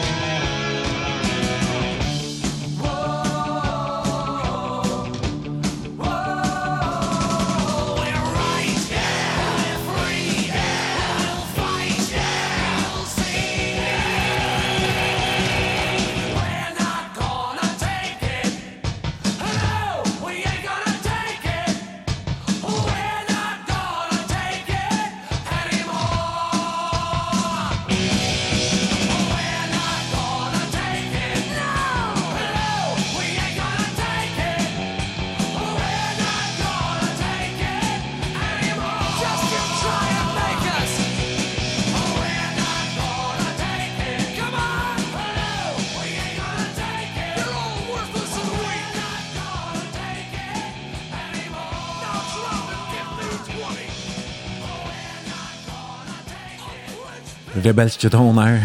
Vi beltje noen Twisted Sister, sangren We're Not Gonna Take It. Og til er Nils Petersen, outførere, som er gestor brunch i og vel tonleisen. Og at det var i samband vi togene av Norrøn og Etterskolan i Danmark. Her, um, jeg vet ikke om du, om du lærte å bli mer oppreistere sin over her, eisne, eller, eller hvordan men du bor nesten ikke? Hvordan, ja, bor nesten øyne nok på alt, jeg mente oss øyne nok. Og ja, eh, Ja, kanskje mer rebelsk. Ja, fan vad det skulle finna det. Ja, nämligen. Finna det ju att en långkare. Nej, nämligen. Nämligen. Ja. Alltså inte så så här alltid. Ja. Hur så väl så komma hem efter då du har varit två uppe i halt här. Ja, det var synd att löje. Tror jag att det är som om att tar man kommer efter om så kvar du kommer lönen. Du kommer efter till en en skola genförening, klassgenförening. Du får om du fer ju en toja maskin upp att det lomman som du var ta det väl där. Om man säger kvärt du är kom ur lövna. Mhm. Du kan vara tjäna miljoner så lackne. Du fer här som du var. Känn du plats och i fällskapen va? Ja. Otroliga löje alltså att att uh, vara förhållsvis on på till attor till eh, akkurat det samma. Ja, ja. Så så at jeg skulle fære vågare i Løvnån, og at uh, fære student uh, beina vi til å la i korsen om beina vi at jeg. Og du tømte vel at det til förra va? At hun har tvei upp i allt. Och... Ja, det, det var det du vet, sammaste og och flera av som anlitt noen att lugga. Jag synte det utskiftning. Det var ordentlig godt, men det var for nok var färre. Mm tre år i eisen. Ja, alltså vad skulle det så Ja, men men du kunde kanske teacha en en studentaskola alltså nere i eisen. Ja, finns du eisen så. Nej, jag är sen där hem kär eisen så. Det var det var tror jag att hata kapitel var så att säga. Så klara komma hem att. Ja. Mhm. Och du började så uh, studentaskola här i Sora. Ja, vi var ju. Og min navn er Vaje, og i 6 og var livet under 25. Mm -hmm. Ja. Og mitt lærte vi fikk jeg så endelig at jeg var nødjan år gammel, at han var ett år og student, så fikk jeg operere mjøtene. Ja. Da var jeg fullvaksen. Og det var så i 2005. Og hva, altså det var jo en årsøk til at, at du ikke kunne gjøre det på en av veien, altså, eller at det funnet jo om gjerne feilen da du var kvart 11 år. 11 år ja Og så måtte jeg leve bare ved bunnene. Ja. Det kunne ikke gjøre så jag så han det gjør det da Aron så kunde ju växa och få en mer troblakar så där måste göras om om igen. Ja. Och det var så man ska men ja, man ska simpelt bara fullvaxen så. Mm. Så det blev så i 25 så ta veta är snitt utögon timmar att ta. Det var ju hela med att beina bara. Ja. Jag vaknade i morgon och så. Var beina undan mig. Ja. Eller men skolveckan gjorde ju inte att du du miste en past av undervisningen nästan eller. Eh, det var i sommarstäcken. Det var i sommarstäcken och eh tej för tej för nomsfär. Mhm. Eh om det om det att ge blev opererad och och sände postkort härifrån och tej kom hem en postkort att kom. så det blev leverera postkort och eh bompatch från Timon som eh, Timon som eh, hejer flaxfällan och jammer. Ja. Och det är nog stått lite. Han ena som kom vi eh, vi bompakan hon och postkorten hon hon är eh, mamma att en barn som ett la två mån faktiskt en utdanning hon och en i fritidsskolan som i arbeid nu. Okej Okay, så so de, henne møtte jeg etter, og ta en i med gå ved meg eh, Brian som heter Mark, som okay. eh, stadig veck eh, heldig mye utvikvart. Mm -hmm. Men du fortalte meg nesten at du, du var blevet en sånn skoletrøtter da. Ja, Ja, jag skulle nog uh, säga vi skulle ha trötts uh, i karaktärsmässigt uh, och skola höppe så, så vet jag inte de allra smartaste uh, att göra affärer beina i som student. Det är att jag var nog så mörder uh, Mm. Særlig at han har operasjonen og ta, ta vær mentaltrøftheit. Ja. ja. Ta du Jack i framhalsteltene 8. og 9. flotje du fortalte meg at du arbeid du og flaggervisen 18. skola du i. Ja, vi er at uh, banka svartkalva av stålplaten her nere. Tja Oddgeir nere av flaggervisen. Og så satt ni prøve så i Slånon, og så var det Delta Seafood og Imslanda. Men da blir jeg, og eisne om det måned, så blir jeg engna. Mm -hmm. För i imskar på i min chatt kvar för bara to är chans ut. Men arbetar du äsna vi så ju nu alltså att han skulle ta du checka student eller så. Ja. Ja, och kvar är ferie så så varje och, och inte att man skulle att om det är mer men i i kanske akkurat vikskifte ankorstamper det ska ske men det var minimalt men kvar är sommarferie. Okay. Och kvar är ferie som helt. Ja. Mm -hmm. Så det så väl lever vi studentaskolan eh, kvar är Atlan då. Oha. Eh Pottvank så alle eh var min stora firmint och han var lärare. Så ta ta vill det vara. Mm -hmm. Och tog enda ju så äsna via söka in och lärare uppbyggnaderna i Imsatän i Danmark och slapp in i Holbæk. Mhm. Mm -hmm og det var så ui 2000 og heilt, etla 2000, her er deg. Ja. ja, her er deg. Mm -hmm. Og slapp inn, men uh, jeg var ikke bygg for til det, jeg var så leta trøytter av skole egentlig, men tveit, man måtte, altså, man skulle bli mm. vakker, skakka vi ikke, eller tvassa rundt det. Så det var stort, og jeg, man kunne ta, det var tås om at, uh, at det skulle komme en flokker at treet inn som skulle byrja om um, hjältöjer. Mm -hmm. Så man kunde flytta från Danmark av till förra attor och börja fortsätta faktiskt uppbyggnaderna i förra.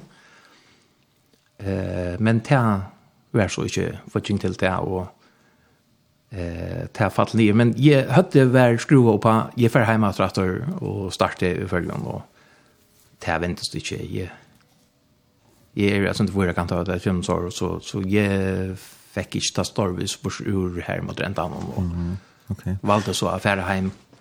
Ja.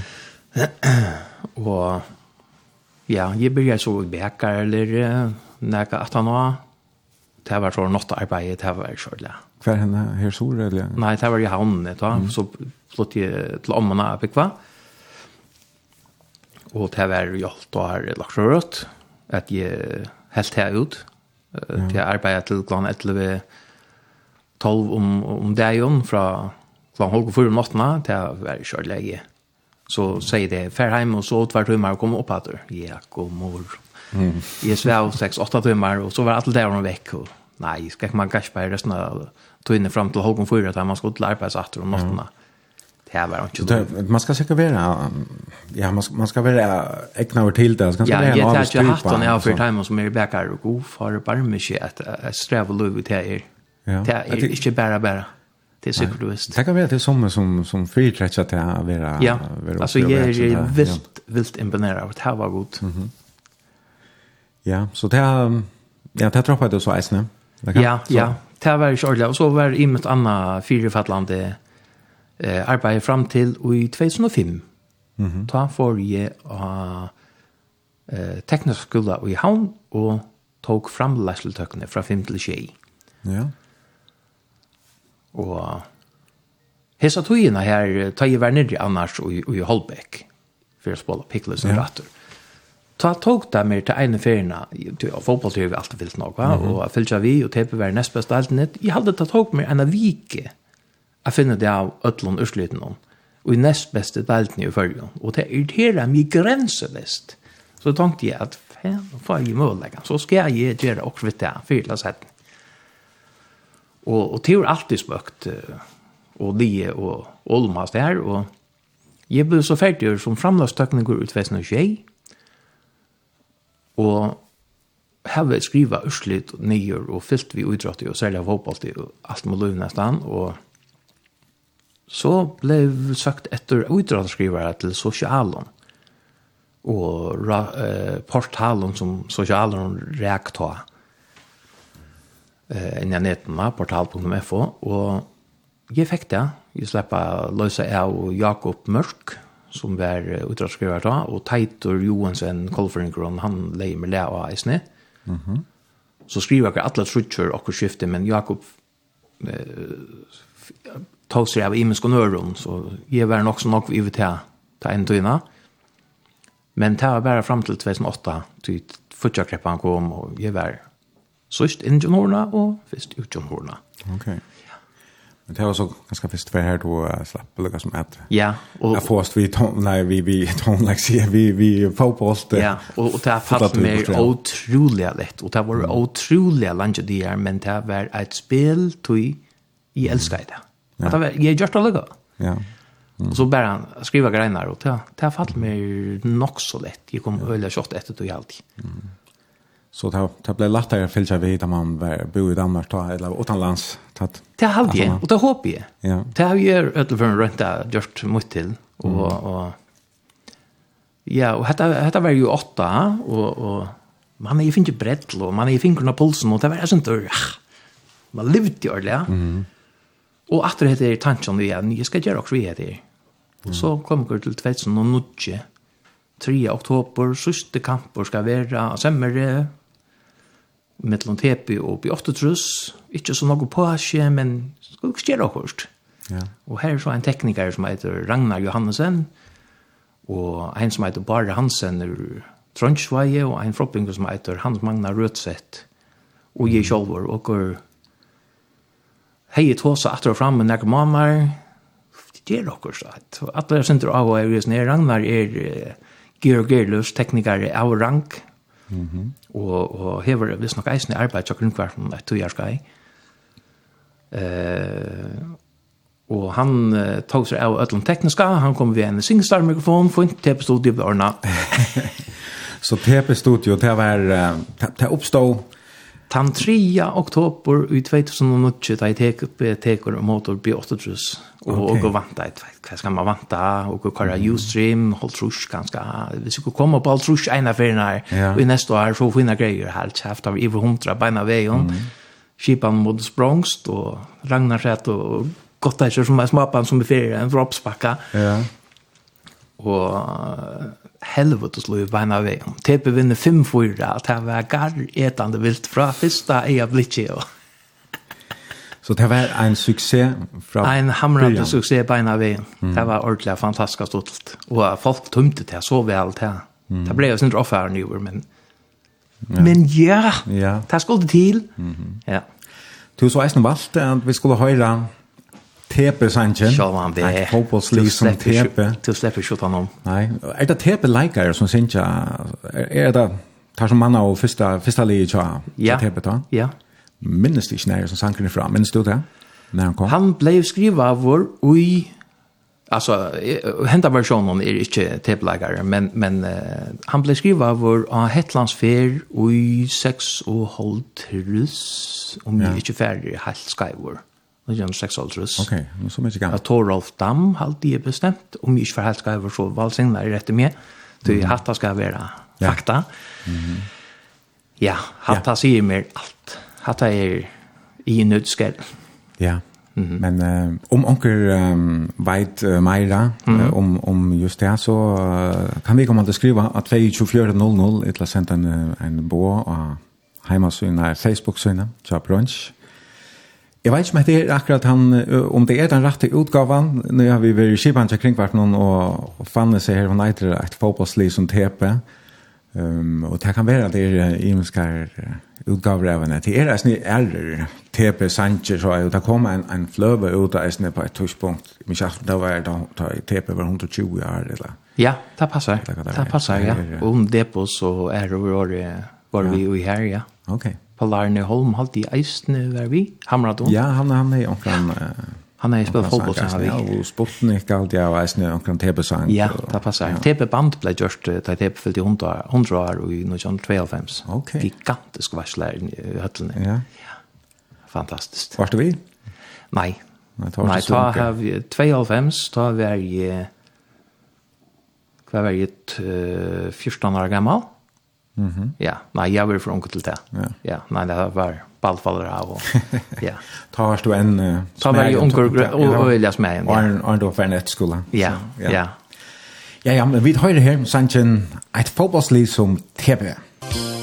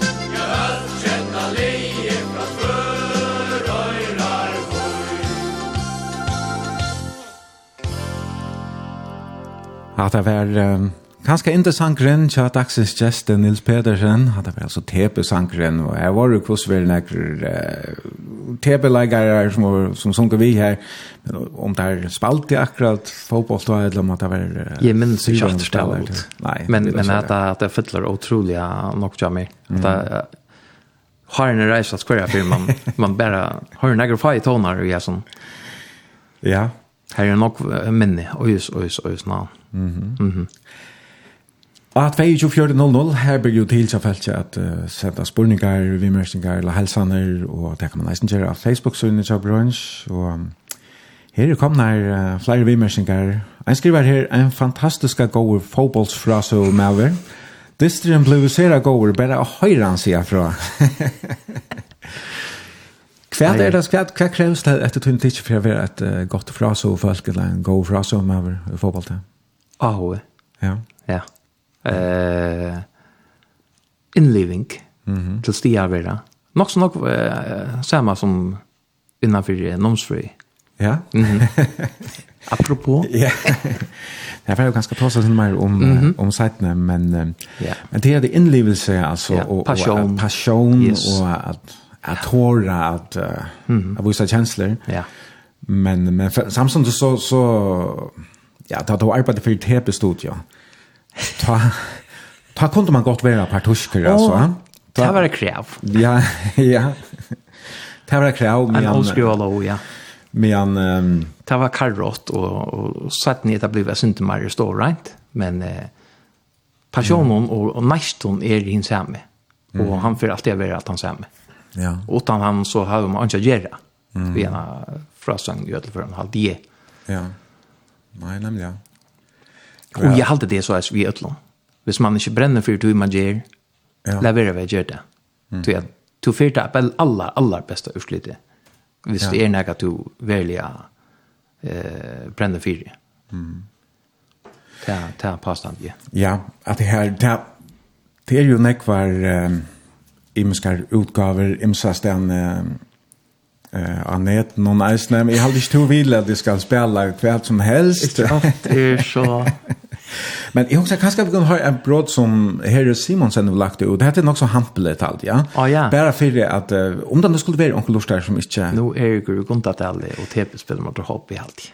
Ja, Kan det fast säga? Nämligen, ja. Och det var i 2012 allt, ja. Ja. Nu 20 september. Är det en en bråd vi vi åter trus eller vi åter trus tepe. Oj, så så. Eh som kanske jag synte mer här kanske synte mer passion ut i. Kan se det är okej att du prövar kanske. Ja, kan jag lite synte. Ja, tvass. Vi kommer pröva vidare om vi höra. Det är det. Life har Paul ut i högret og Igor ut i venstre och, og Dimitri og Bojan mitt fyrir framme. Ut i venstre så jag finner han Bojan. Bojan inn i banan til Dan. Dan fram til Bojan. Bojan og så är det Rossar. Det inn en monomine. Det får byta varandra. Han blir fällt av! Han blir fällt av ett bajt och så blir Rossar i mörke. En otrolig avvända mitt i stöva. Och hau, hau, hau, hau. Nu kan, nu kan också hända, nu kan också hända. Nu. Han får en gott med kappa och nyår. Första två månader runt i sandwichan här bänt. Men han vill inte svinna sig sådana om fullomhet och ner uppe i svangetska just som det är.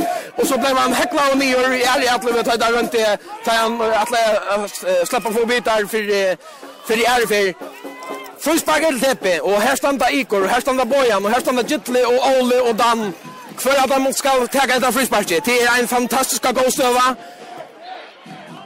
Det er en fantastisk god støva. Jeg vet ikke hva det er. Hva det er for at uh, utrakta seg i kittelstenter nærmest bolten om det ser ut som om man atlas her. Bojan stender eisen klarer. Hokset der ved kittle. Muro stender tjukk og fyrir her. Dimitrius stiller ikke i muro. Så fæder er skjåta, og greier ikke noen mutter etter enn. Kittle gjørs klarer Skjuter! Og i mål!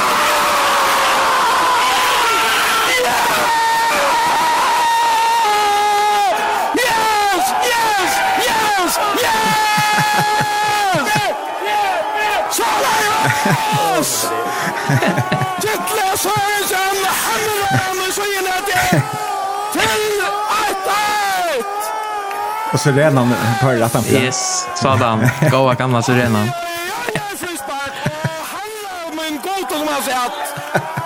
Ja, alltså. Jag var också...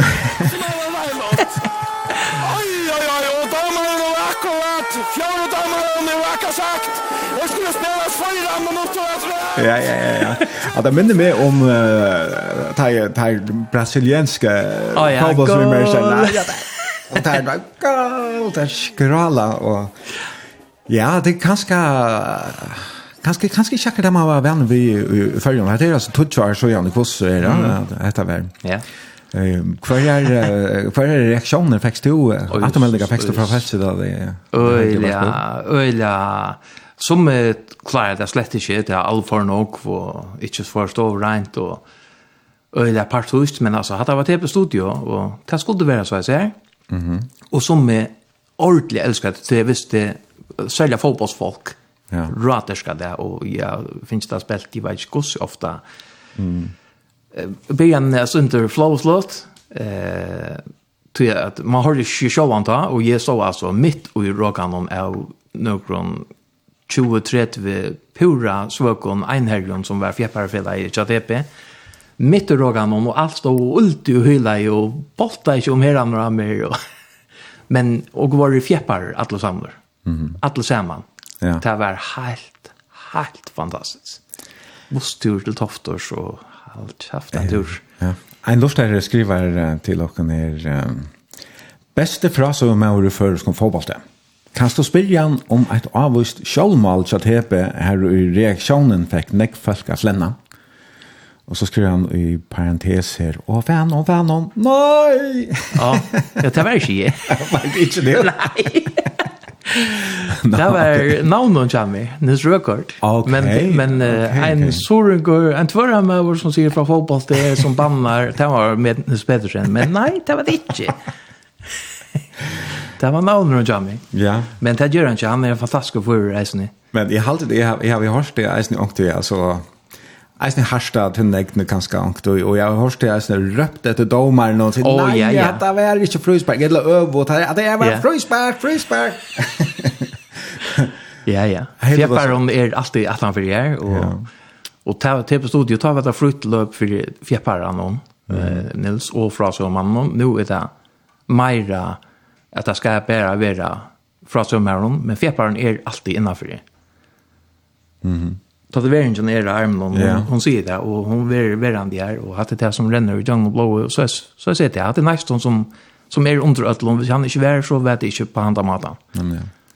Og du sier jo at i dag høtte sånne kveldssendinger, at du sier at han har disten her tillegg, som jeg, jeg vet ikke om dit rundt i at, at lenta at han har disten her, eller yeah, at tok som han om... Uh, Og idrettar glutjen, ja. mener det, da?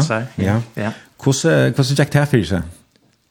Og, altså, jeg halte det var African Cup of Nations som var uh, ta, til å være, man det var jo som tutsi, i min årlig 18 til å være, men, men ta ene ferina, så var African Cup of Nations, og, og tenkte at utbygge heter Pickle Center, og at utvarpa flåbolt i høtlene, og kanskje færa ut om tvør vi at sya fra TP, Og her var en utrettet sending. Hei, jeg synes det er ambisjonen om at jeg ble en sånn uh, miol, Håkon, og ta brente jeg synes det av. Uh, og av fyrtøy, tja og flere. Så ble det til det her at man hukte etter Ørslyton, og tog seg til John og hei gestor inne, og så satt jo her hukka og hukka og sånne kvöld, og, ja. og brukte kjaft om, om African Nations Cup, og det var ikke alltid så øyla borpast, og onkel du i dagen der på. Og... Ja. Men stottlott som jeg vet ikke hva, oi, høs og da... Så kanskje, altså, det var bo inn innom kveld til fire i eisen. Ja, onkel du vet at, ja, ja, ja. Men dette var jo, som du sier, TP-studio, det var ikke fire, fire kringkvarpet. At jeg ikke kom en sånn morgen, nei, kringkvarpet, ja. Nei, nei, så... Ja, det er nok vært uh, nekka som hvordan folk har lagt til merskes, um, og eisne fotballsfølger har lagt, uh, lagt til merskes til venjere fella i fyrjon, tjåsa i det som Orsens eldsval i fotball i 2012. Ja. Vet han nekka som uh, iverraska i det, eller? Ja, ja, ja, det er, det er så jeg ikke kom, det må jeg si. Minns du hvordan du følte det? Hur ska det här fältest? Och just det var öjlig att vet hoa nu och kringvarpe hej lagt mest line och man släpper sig ifrån i fotboll det och onkra Ola såg jag är partner och om fyra såna mästare som skulle i också ta jag vet inte vad det är som. Ja. Så det var alltså wow. Ja, men det var alltså tar du vart kosten Oceans Elsa eller fotboll det eh vet han något som gör det att under ordentligt fick vara en jobb för där alltså och kanske. ja det kanske fler uppgifter eller ja jag håller det. Ja det öll för han ska det det också något då att han var här ja. Ja. Och det bestod ju Ja, det? Har utvattnet just av Sintur, og her var han ikke som kunde til for å gjøre. Jeg håper jo på at onkel kunde til, og rundt jeg spyrja onkel men nei, tar er bare ikke undan, og Og så falt det spekliga mm nyer, men, men det var aldri glemt. glömt. Nej. jag är öjla glad for jeg satt in og, og, og jeg synes stolt är. Ja, men lite kvar för några några stumpar av YouTube som säkert för lite länka länka till. Så Så hvis man vill vil minnes efter så kan man få ut og leta etter mm. på studio här mm. bland Nils Petersen. Men då blir jag så så spärklig att arbeta för kringvarp i 2012 13 Ja. Kanske nog snäck var til ta att första året det var et, et eller annet via Sone Mästerstein han Ja, han får jo ferie akkurat. Jeg vet ett annet, kanske skulle han skriva en bok et eller annet sending jeg vet. Ja, han skriver så nog stora projekt. Ja, säkert färdigt gott gångt vi en lärare värskatlandet Ja, jeg husker det. Han och två tävlingar nok var land etter han och just sånn när han alltså han en fantastisk uh, aktiv ja. som man eier her. Er det en, en firma som här Eller, Ja, 100 procent. Ja. Ja, så ja, ja. det har fullkomna kursen kan man säga. Ja, ja, ja. Men, men passionen är där nog. Oh, ja, ja. Helt sikkert. Utan det här så var han ikke. Altså, ja Så han kan ska mer mera en åra snittlingar här tog kan ska yeah. mera ta flytt från Jarstan någon eller kan. Kan tempo i vara synter mest att vi vi första man lycka skall huxa sig om att finna det rätt i ordning. Men då man har sagt sagt från såna igår som han så så lite så är det klart. Han är han han har allt repertoar. Han är otrolig. Det kan inte sätta sig finger han så där insats. Nej, och så man det gick man arka han är ju en som är tiden fram alltså ju i minst är en magni arka. Ja. Är det något hur du haft här som filmen där du har sett. Jag vill se jag kan arka alltså Arman eh, Arman ja om ta månde man kom upp i teenageåren så så fick man mer och mer av kanske att man blev pastor av kaprorar eh hemmen Jeg røyner ikke selv, men det ble vanka til tilnega, men jeg høyre hver jeg fyr at støvnene kom med. Og støvnene ble langt bygd opp hver jeg fyr at støvnene var, så var det sånn klassiske sommervalseron mm som kort i utverten og så jeg høyre Japan Ark. Oh my god, som han kunne få.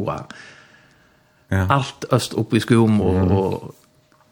därför är grövande stavn och stavn och att förra på att de var vi och solringor och vad vet jag ta ta gav verkligen näga. Ja, man ser allt fyr så ja. man ser det lust där. Och det är såna myntor, sån sån såna lommar av min av, av service som som alltid var gömter och god hell och för det. Fantastiskt.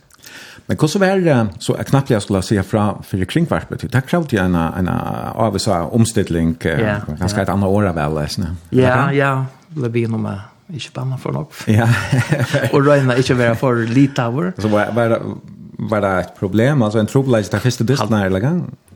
Alltså att att du skulle klara då Ja, jag klarar jag sentor men men så glappta jag först och det jetta startväck. Mhm. Men för att det blir inte vara lite över. Ja, ja.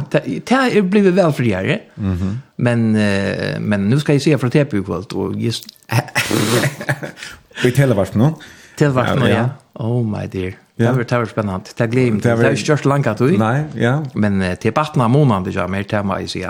Mhm. Men eh Onkel Sanker säger att skora KU så vill jag glädje Det här vill jag. Det ska jag lova det för så hörs det hvis det skorar och kvalt. Ja. Så Du klarar ju alltså man kan inte man kan inte lägga känslorna helt. Nej, och det ska man heller inte. Så vill det partidje och konstigt och det ska allt allt som vara. Nej. Nej. Det är bara till landstester att du låter ja. vara lite av. och det är ja. fantastiskt. och Angel landstester och, och Error. Mm. Ondas landstester till, till Reinderska. Ja. Men um, du arbetar alltså som avlösare vid först vid kringvarpen, men, men ena mest för, för telvarpen, ja? Mm. Är det fast kvart vikskiftet nu med en fotbollsturné eller vad så? Ja, Och du nägger det står på ett vikskifte, mm. och innan fler flåpås nu eisen, det är nog så nok så nok innenfor för hesa her i første måneden her. Mm. Og jo her. Er det store måneder å at från fra utvarspe og, og så sjåvarspe? Ja, ja kjempe måneder. Ta skal du jo si alt. Utvarspe ser jo ikke noe.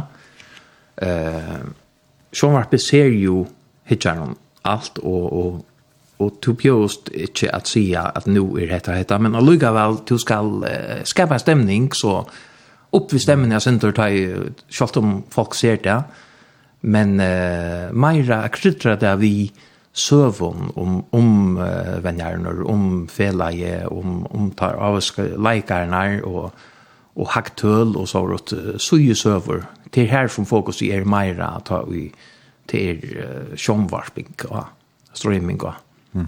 Og det er en avvis uh, brøyting som man skal til, det er ikke til, det er ikke nevnt, tar man over, man lærer vi utvarpe borster det Eh, man har råd til at fortelle så øyne nok. Ja, og så men man, det dobbelt til ja, nemlig, og onker hever kommenterer det eisne, at mm -hmm.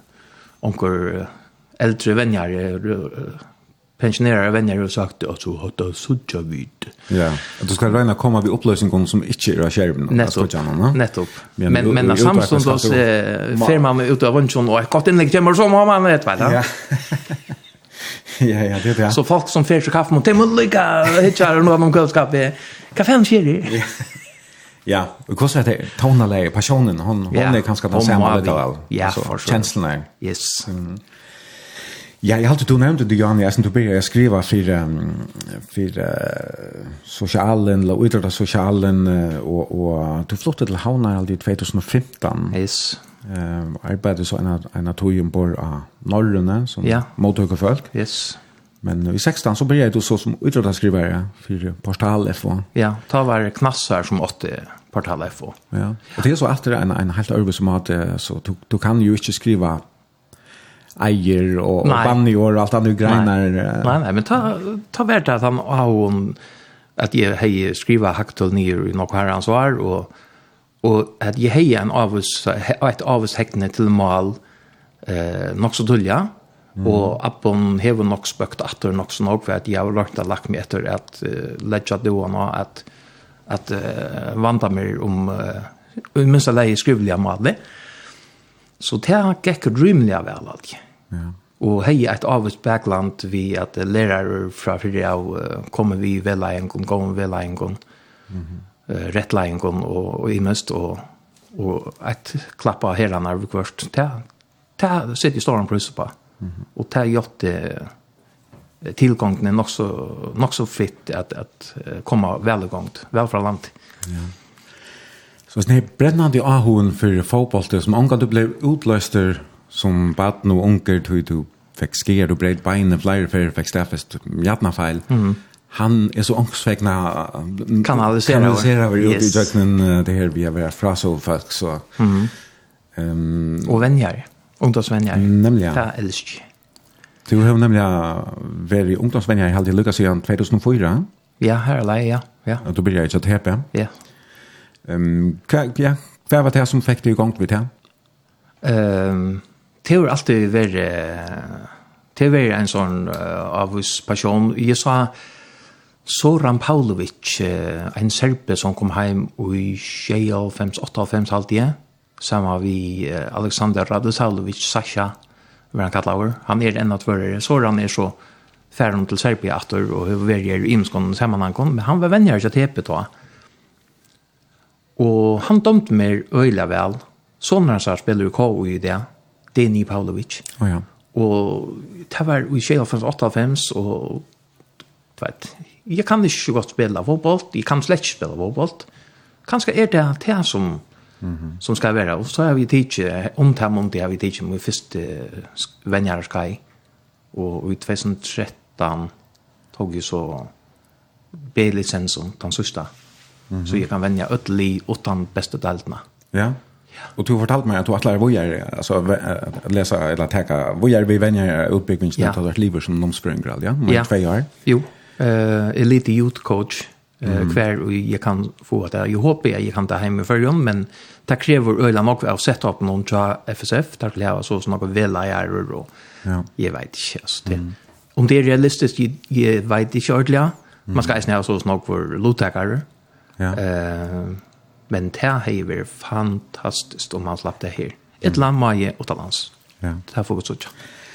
Nå Nils, du skal sige fra Badnaråre om en luktla løte, og ja. vi har dem ikke så øyelig gå at vi, men vi har han nekve etter å prate om. Ja.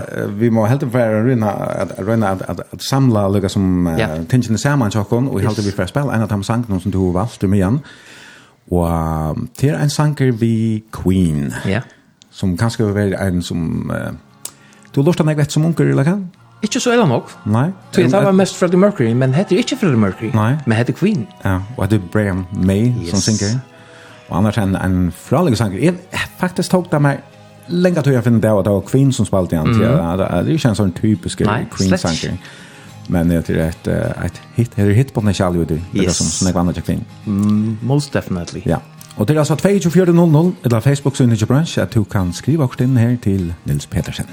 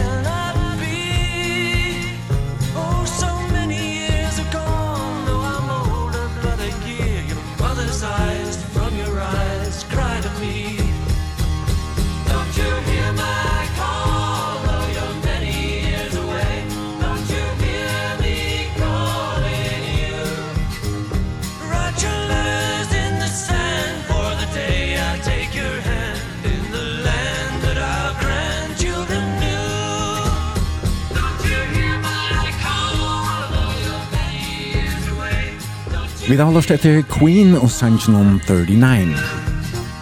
Og det er Nils Petersen, autvørere, som er gestor i bransjen morgen, og har vært nå i kjørt tvær timer, og vi har sendt beinleis autvørere. Og Nils, han skal om han sier fra Batnaråren, noen som uh, fer i gang klokkan uh, ett och jag alltid ska vara här nere i kajen klockan 12 eller något och det är om 20 minuter. Här är vi ja. Ja, så uh, men åker. Ja. Och nu är ganska akkurat rätt. Det är att jag skulle göra och jag också vi måste lycka ganska på färra. Så det kött jag några ting tror jag um, Ja, det tog börja i uh, 18 år, då är jag, då var sången, då är jag utdelars, då var det utdelars skriva för portal FO så började du ut 2016, at arbeida av flyterskolan i Kallbakk, du varst fyrst der negra måneder, var det bare en avheitan du fikk, eller et arbeid du søkte? Eller? Eh, 16, ja, 16 og og negra fire måneder, og så i Seidjan bygde jeg så i Smulbøllene. Å ja. Ja, mm. eh, ja det var... Eh, til Ronge Løgna, det var uh, fortsatt tungt at, at uh, reka portal FO, mm. og ja, jeg gjør råkninger sånn, at det skulle gjeldast, og det var ikke ordentlig Ordan oi, og så får jeg prøve det, ja. Mm. Og det er jo familier som er lærer oppbyggingene som du blir i en affære, altså. Ja, ja, ja, nemlig, ja. Og til la eisen jo og Oma stå og spøkte, ja, du vet. Mm. Uh, tog til her var åpenbart uh, min ahva, og jeg fann bare ikke ordentlig. Og det har du for en ene affære. Men du har vært og smulbøylen noen, og jeg tror jeg får år, alt du fortalte meg. Ja. Ja. Så først til, um, til Frøytjærskolan og, og sett en klubb på 108 fors i Høyvøk. Ja, takk så si at det var samme leier som var i Kalpak, som så var flottet og smule på det, som boa finner tog han inn under venkene her, okay. og det er evige takksam vi er alle om Morsensen. Mm. Ja. Fantastiske, ja. fantastiske personer. Jeg var vel eisen jo aldri til svetjant det, man var, var Tidje ja, vi? Jo, eisne, jo, mm -hmm. helt sikkert. Og du blir så eisne at venja høyvikinger ta? Ja. Om samme måned til FC Høyvøk, yes. til omgå her. Ja, Her som jeg er igjen. Mm. Og for tveimen så igjen så blir du å lese Nomsfrøya, og, og se til noen der da nå. Ja? Nå skal jeg ikke mm. trakke nei, nei, nei, nei. hopp igjen, men jeg var eisne hopp venja du er om. Pappa er nok svekker enn at jeg, men la det være. Ok. Det er deilig folk å hopp i eisne, sannelig er det det. Ja. ja. Så du varst det här en av två såna ungdomsvänner så yes. håper. Ja. Mhm. Mm Men ja. Och du var akkurat livet vi Anna och Arre, du blir tre år och, och sätter nu att han har sommarferierna. Yes. Och kvart föll du aldrig hette det här nu du funnit en hit? Jag hade det, ja. Mm. Ja, det är långt om lunch. Ta tag sånt att vi, men... Eh, men det är ju li och spökt att fram och tog in.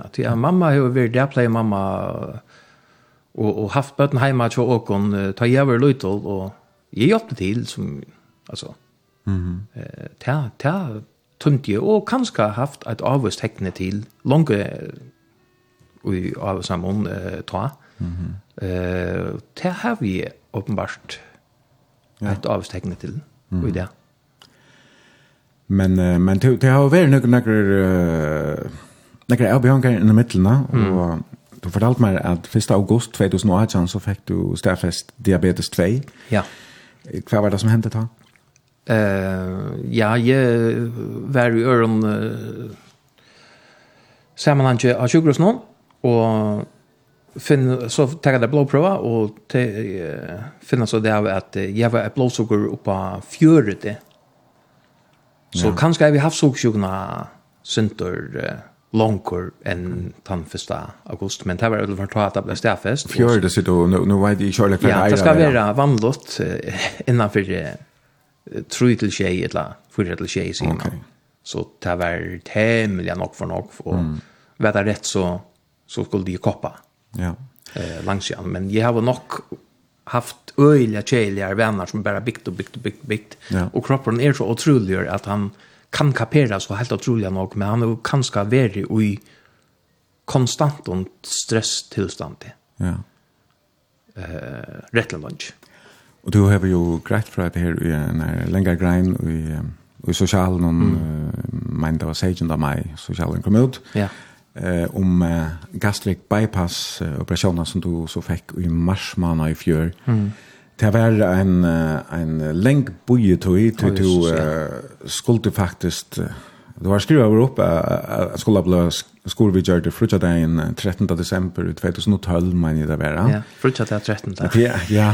Og det er en lang søva som vi tyvärr ikke får tog til her, men man kan altså lese henne og, og, av sosialen, mm -hmm. eller i sosialen, og jeg har info, alle de her sentre, sentre om til, jeg skal ikke helt så detaljere, men... Det stemmer.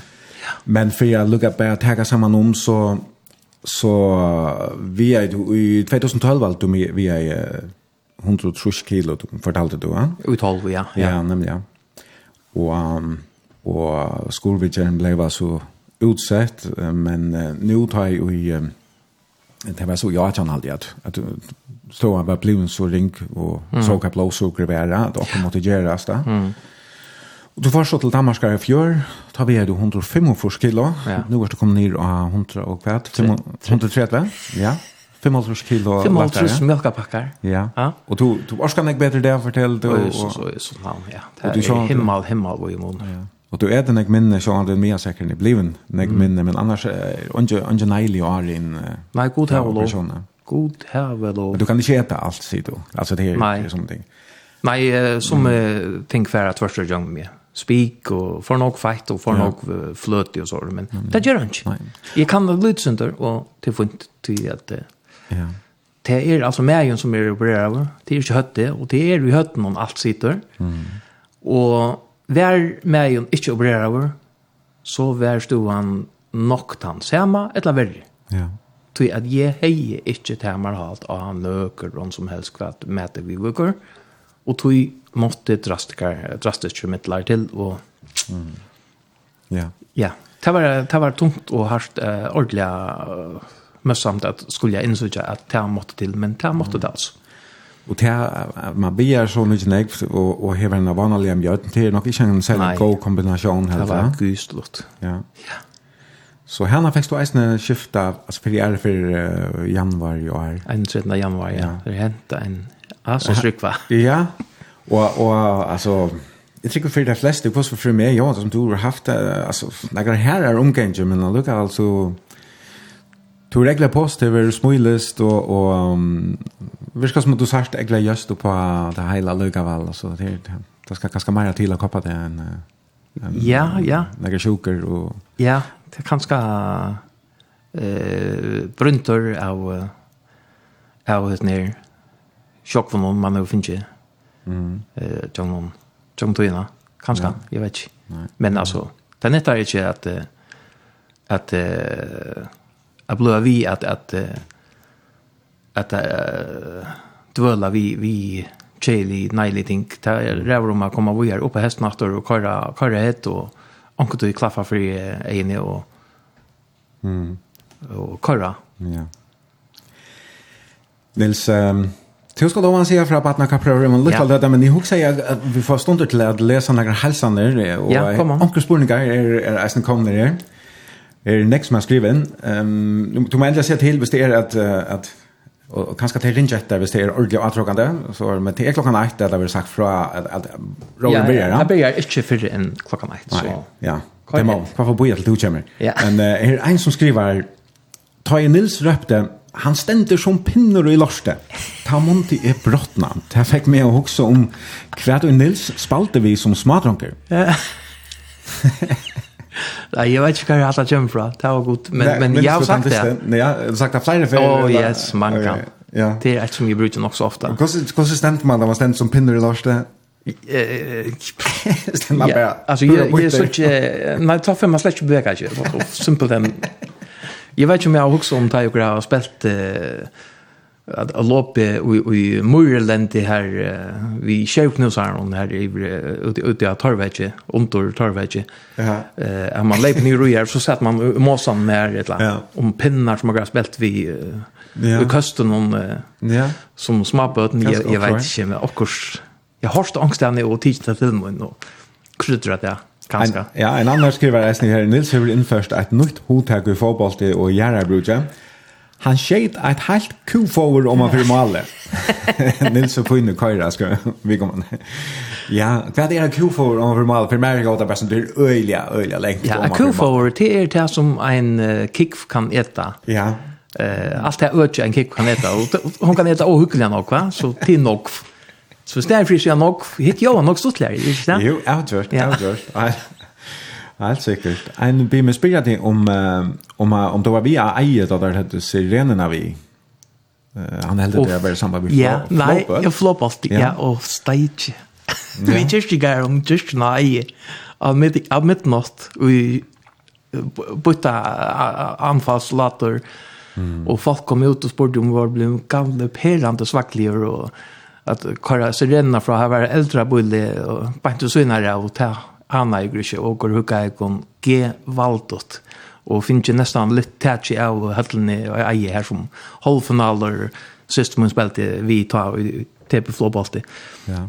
Så och går vi alla vägen och jungle mot här var helt helt fantastiskt uppe alla samla något och Ja, man hej man var ju nog vart ur ta kampen av Warfare av är så rätt men det var först är vi enast är blick värst och kvart är det värst. En annan skriver her, Nils hej beste Rabona ena av Sevmura.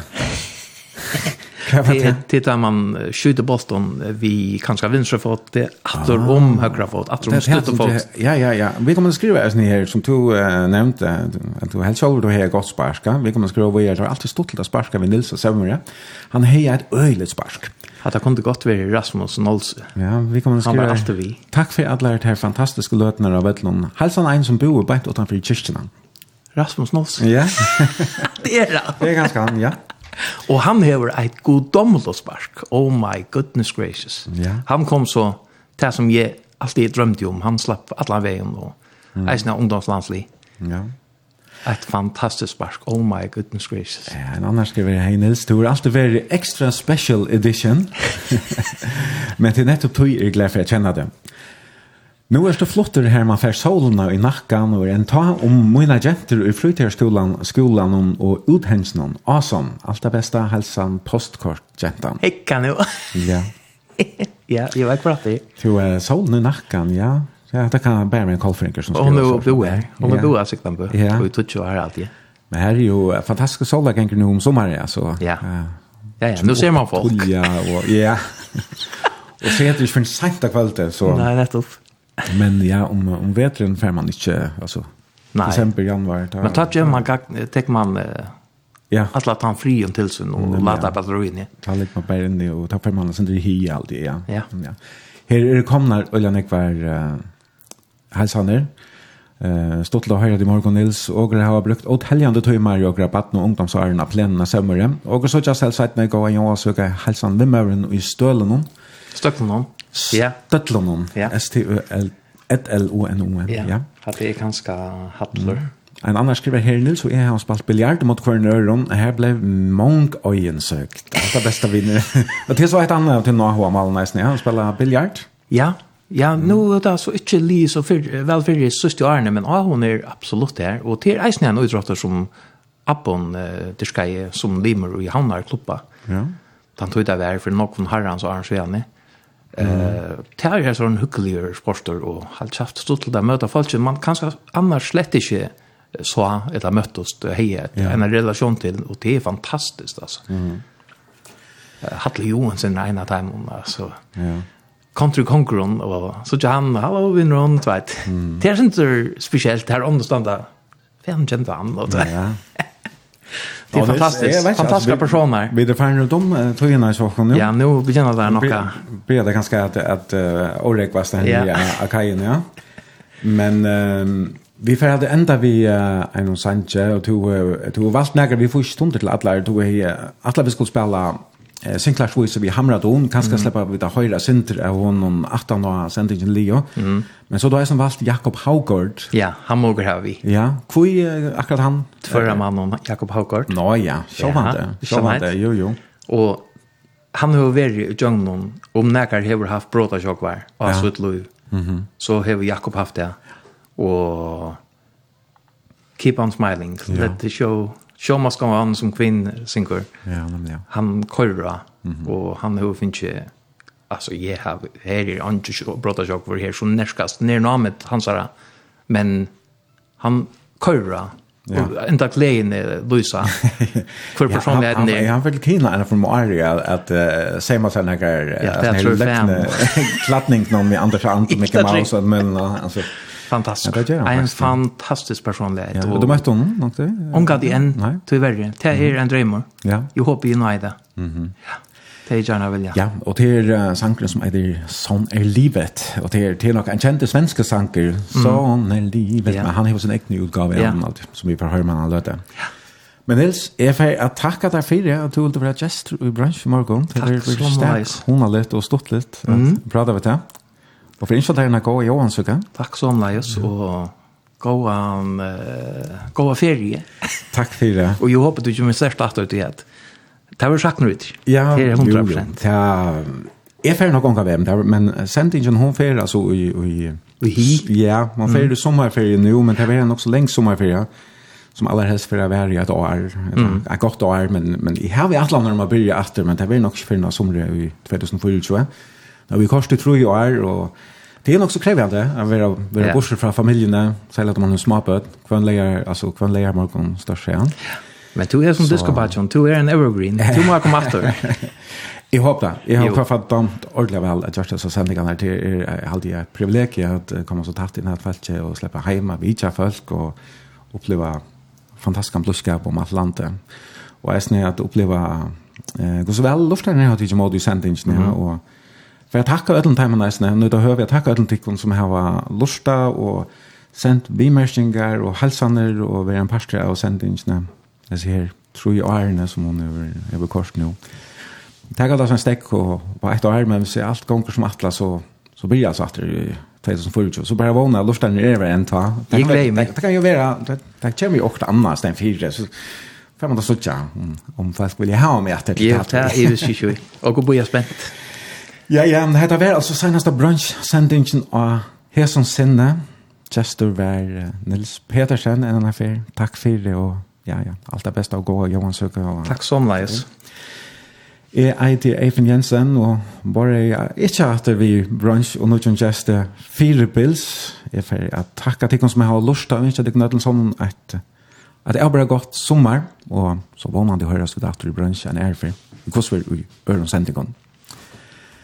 Vi enda vi uh, Jakob Haugård og Sanchinon. Sånn er livet.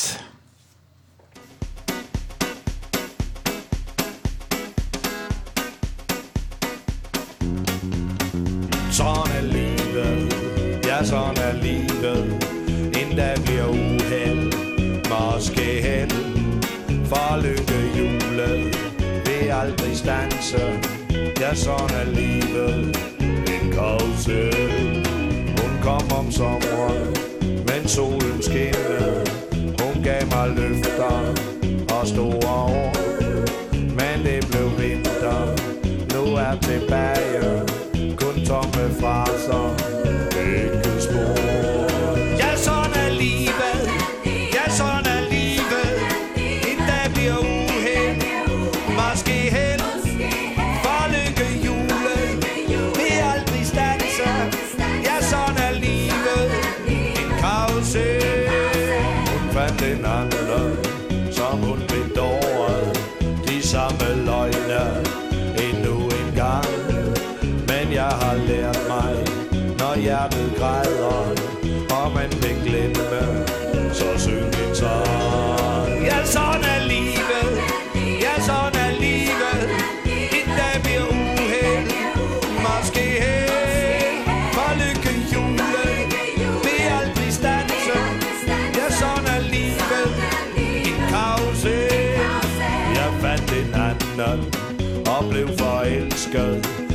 alle nynner den gamle sang. Og det er næsten de samme toner Der giver mig lykke denne gang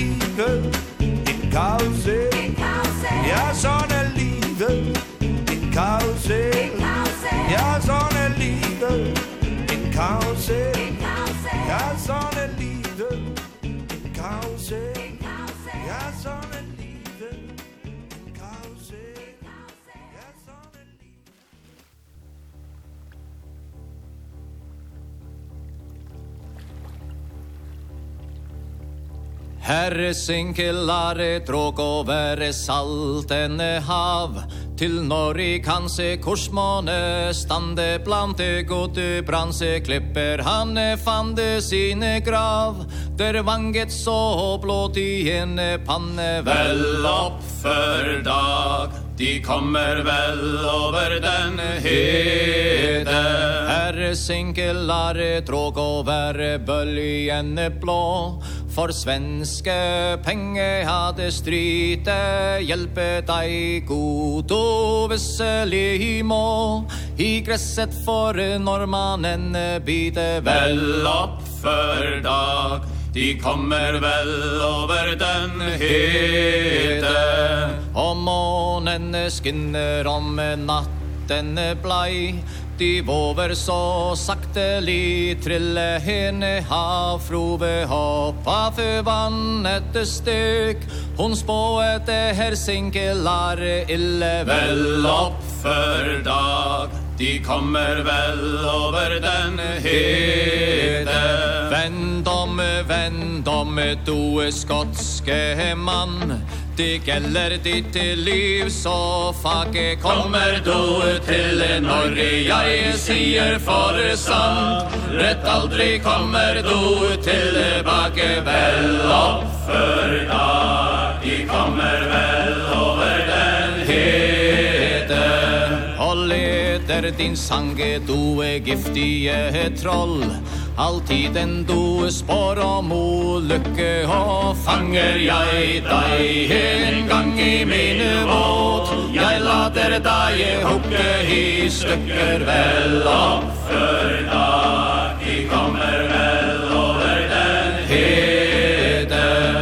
seilede i dage, han seilede i tre. Med alt det sitte hyrede, følge denne fjerde Morgen han Norge måne se Jeg ville se ikke for dalje vel opp før dag De kommer vel over den hete.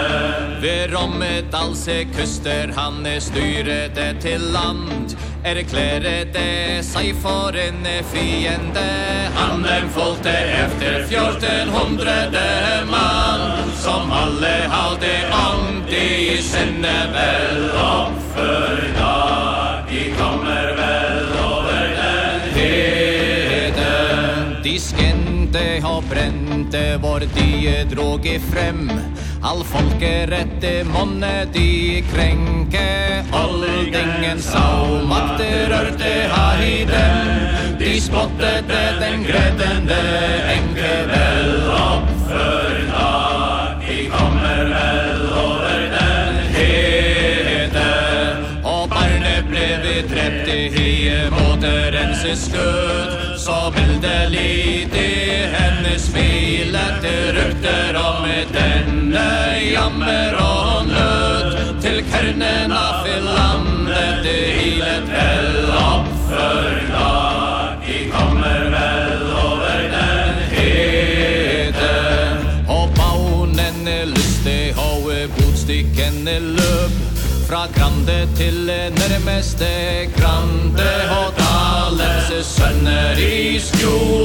i Det måtte herre synke, lare sanne vel om høyna, i kommer vel og den hete. Soldaten er roete på kongen sitt tåg, vi selve må landet forre svare, forre vannet, det vere det nyttig sitt råd, som noe sitte blod, det ville spare vel opp.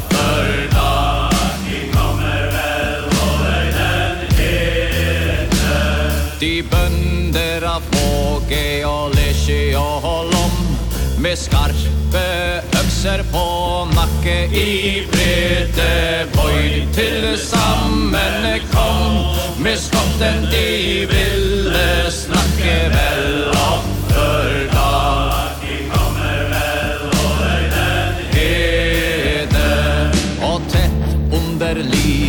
der løper en sti Som man måne kringen er kalle Lagen skunne seg der forbi I denne skalle fjerne falle vel av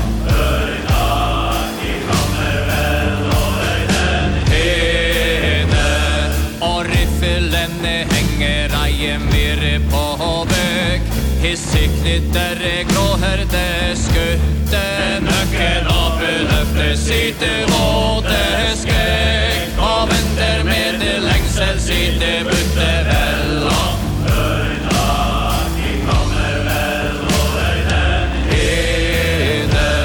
Det första skot herre singelar i gjalt Han brølet det og oppgav av sin onde Og väskotte rått Detta hoverstene falt. Och tri och saffet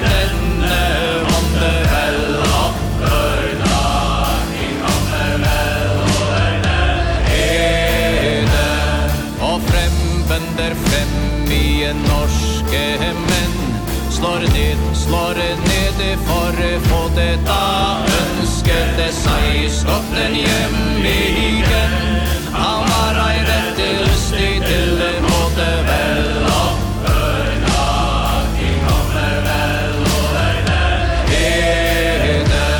med døde kroppe ble kringene strøyd De ravne fikk nok at det er det det ungdomsbåt som her rode født de skotske bier begrette vel og hør at de kommer vel over den hede ei nogen levende kjelle kom hjem som Skåne sine landsmann fortelle våre farligt det er av besøket der der bor blant i Norges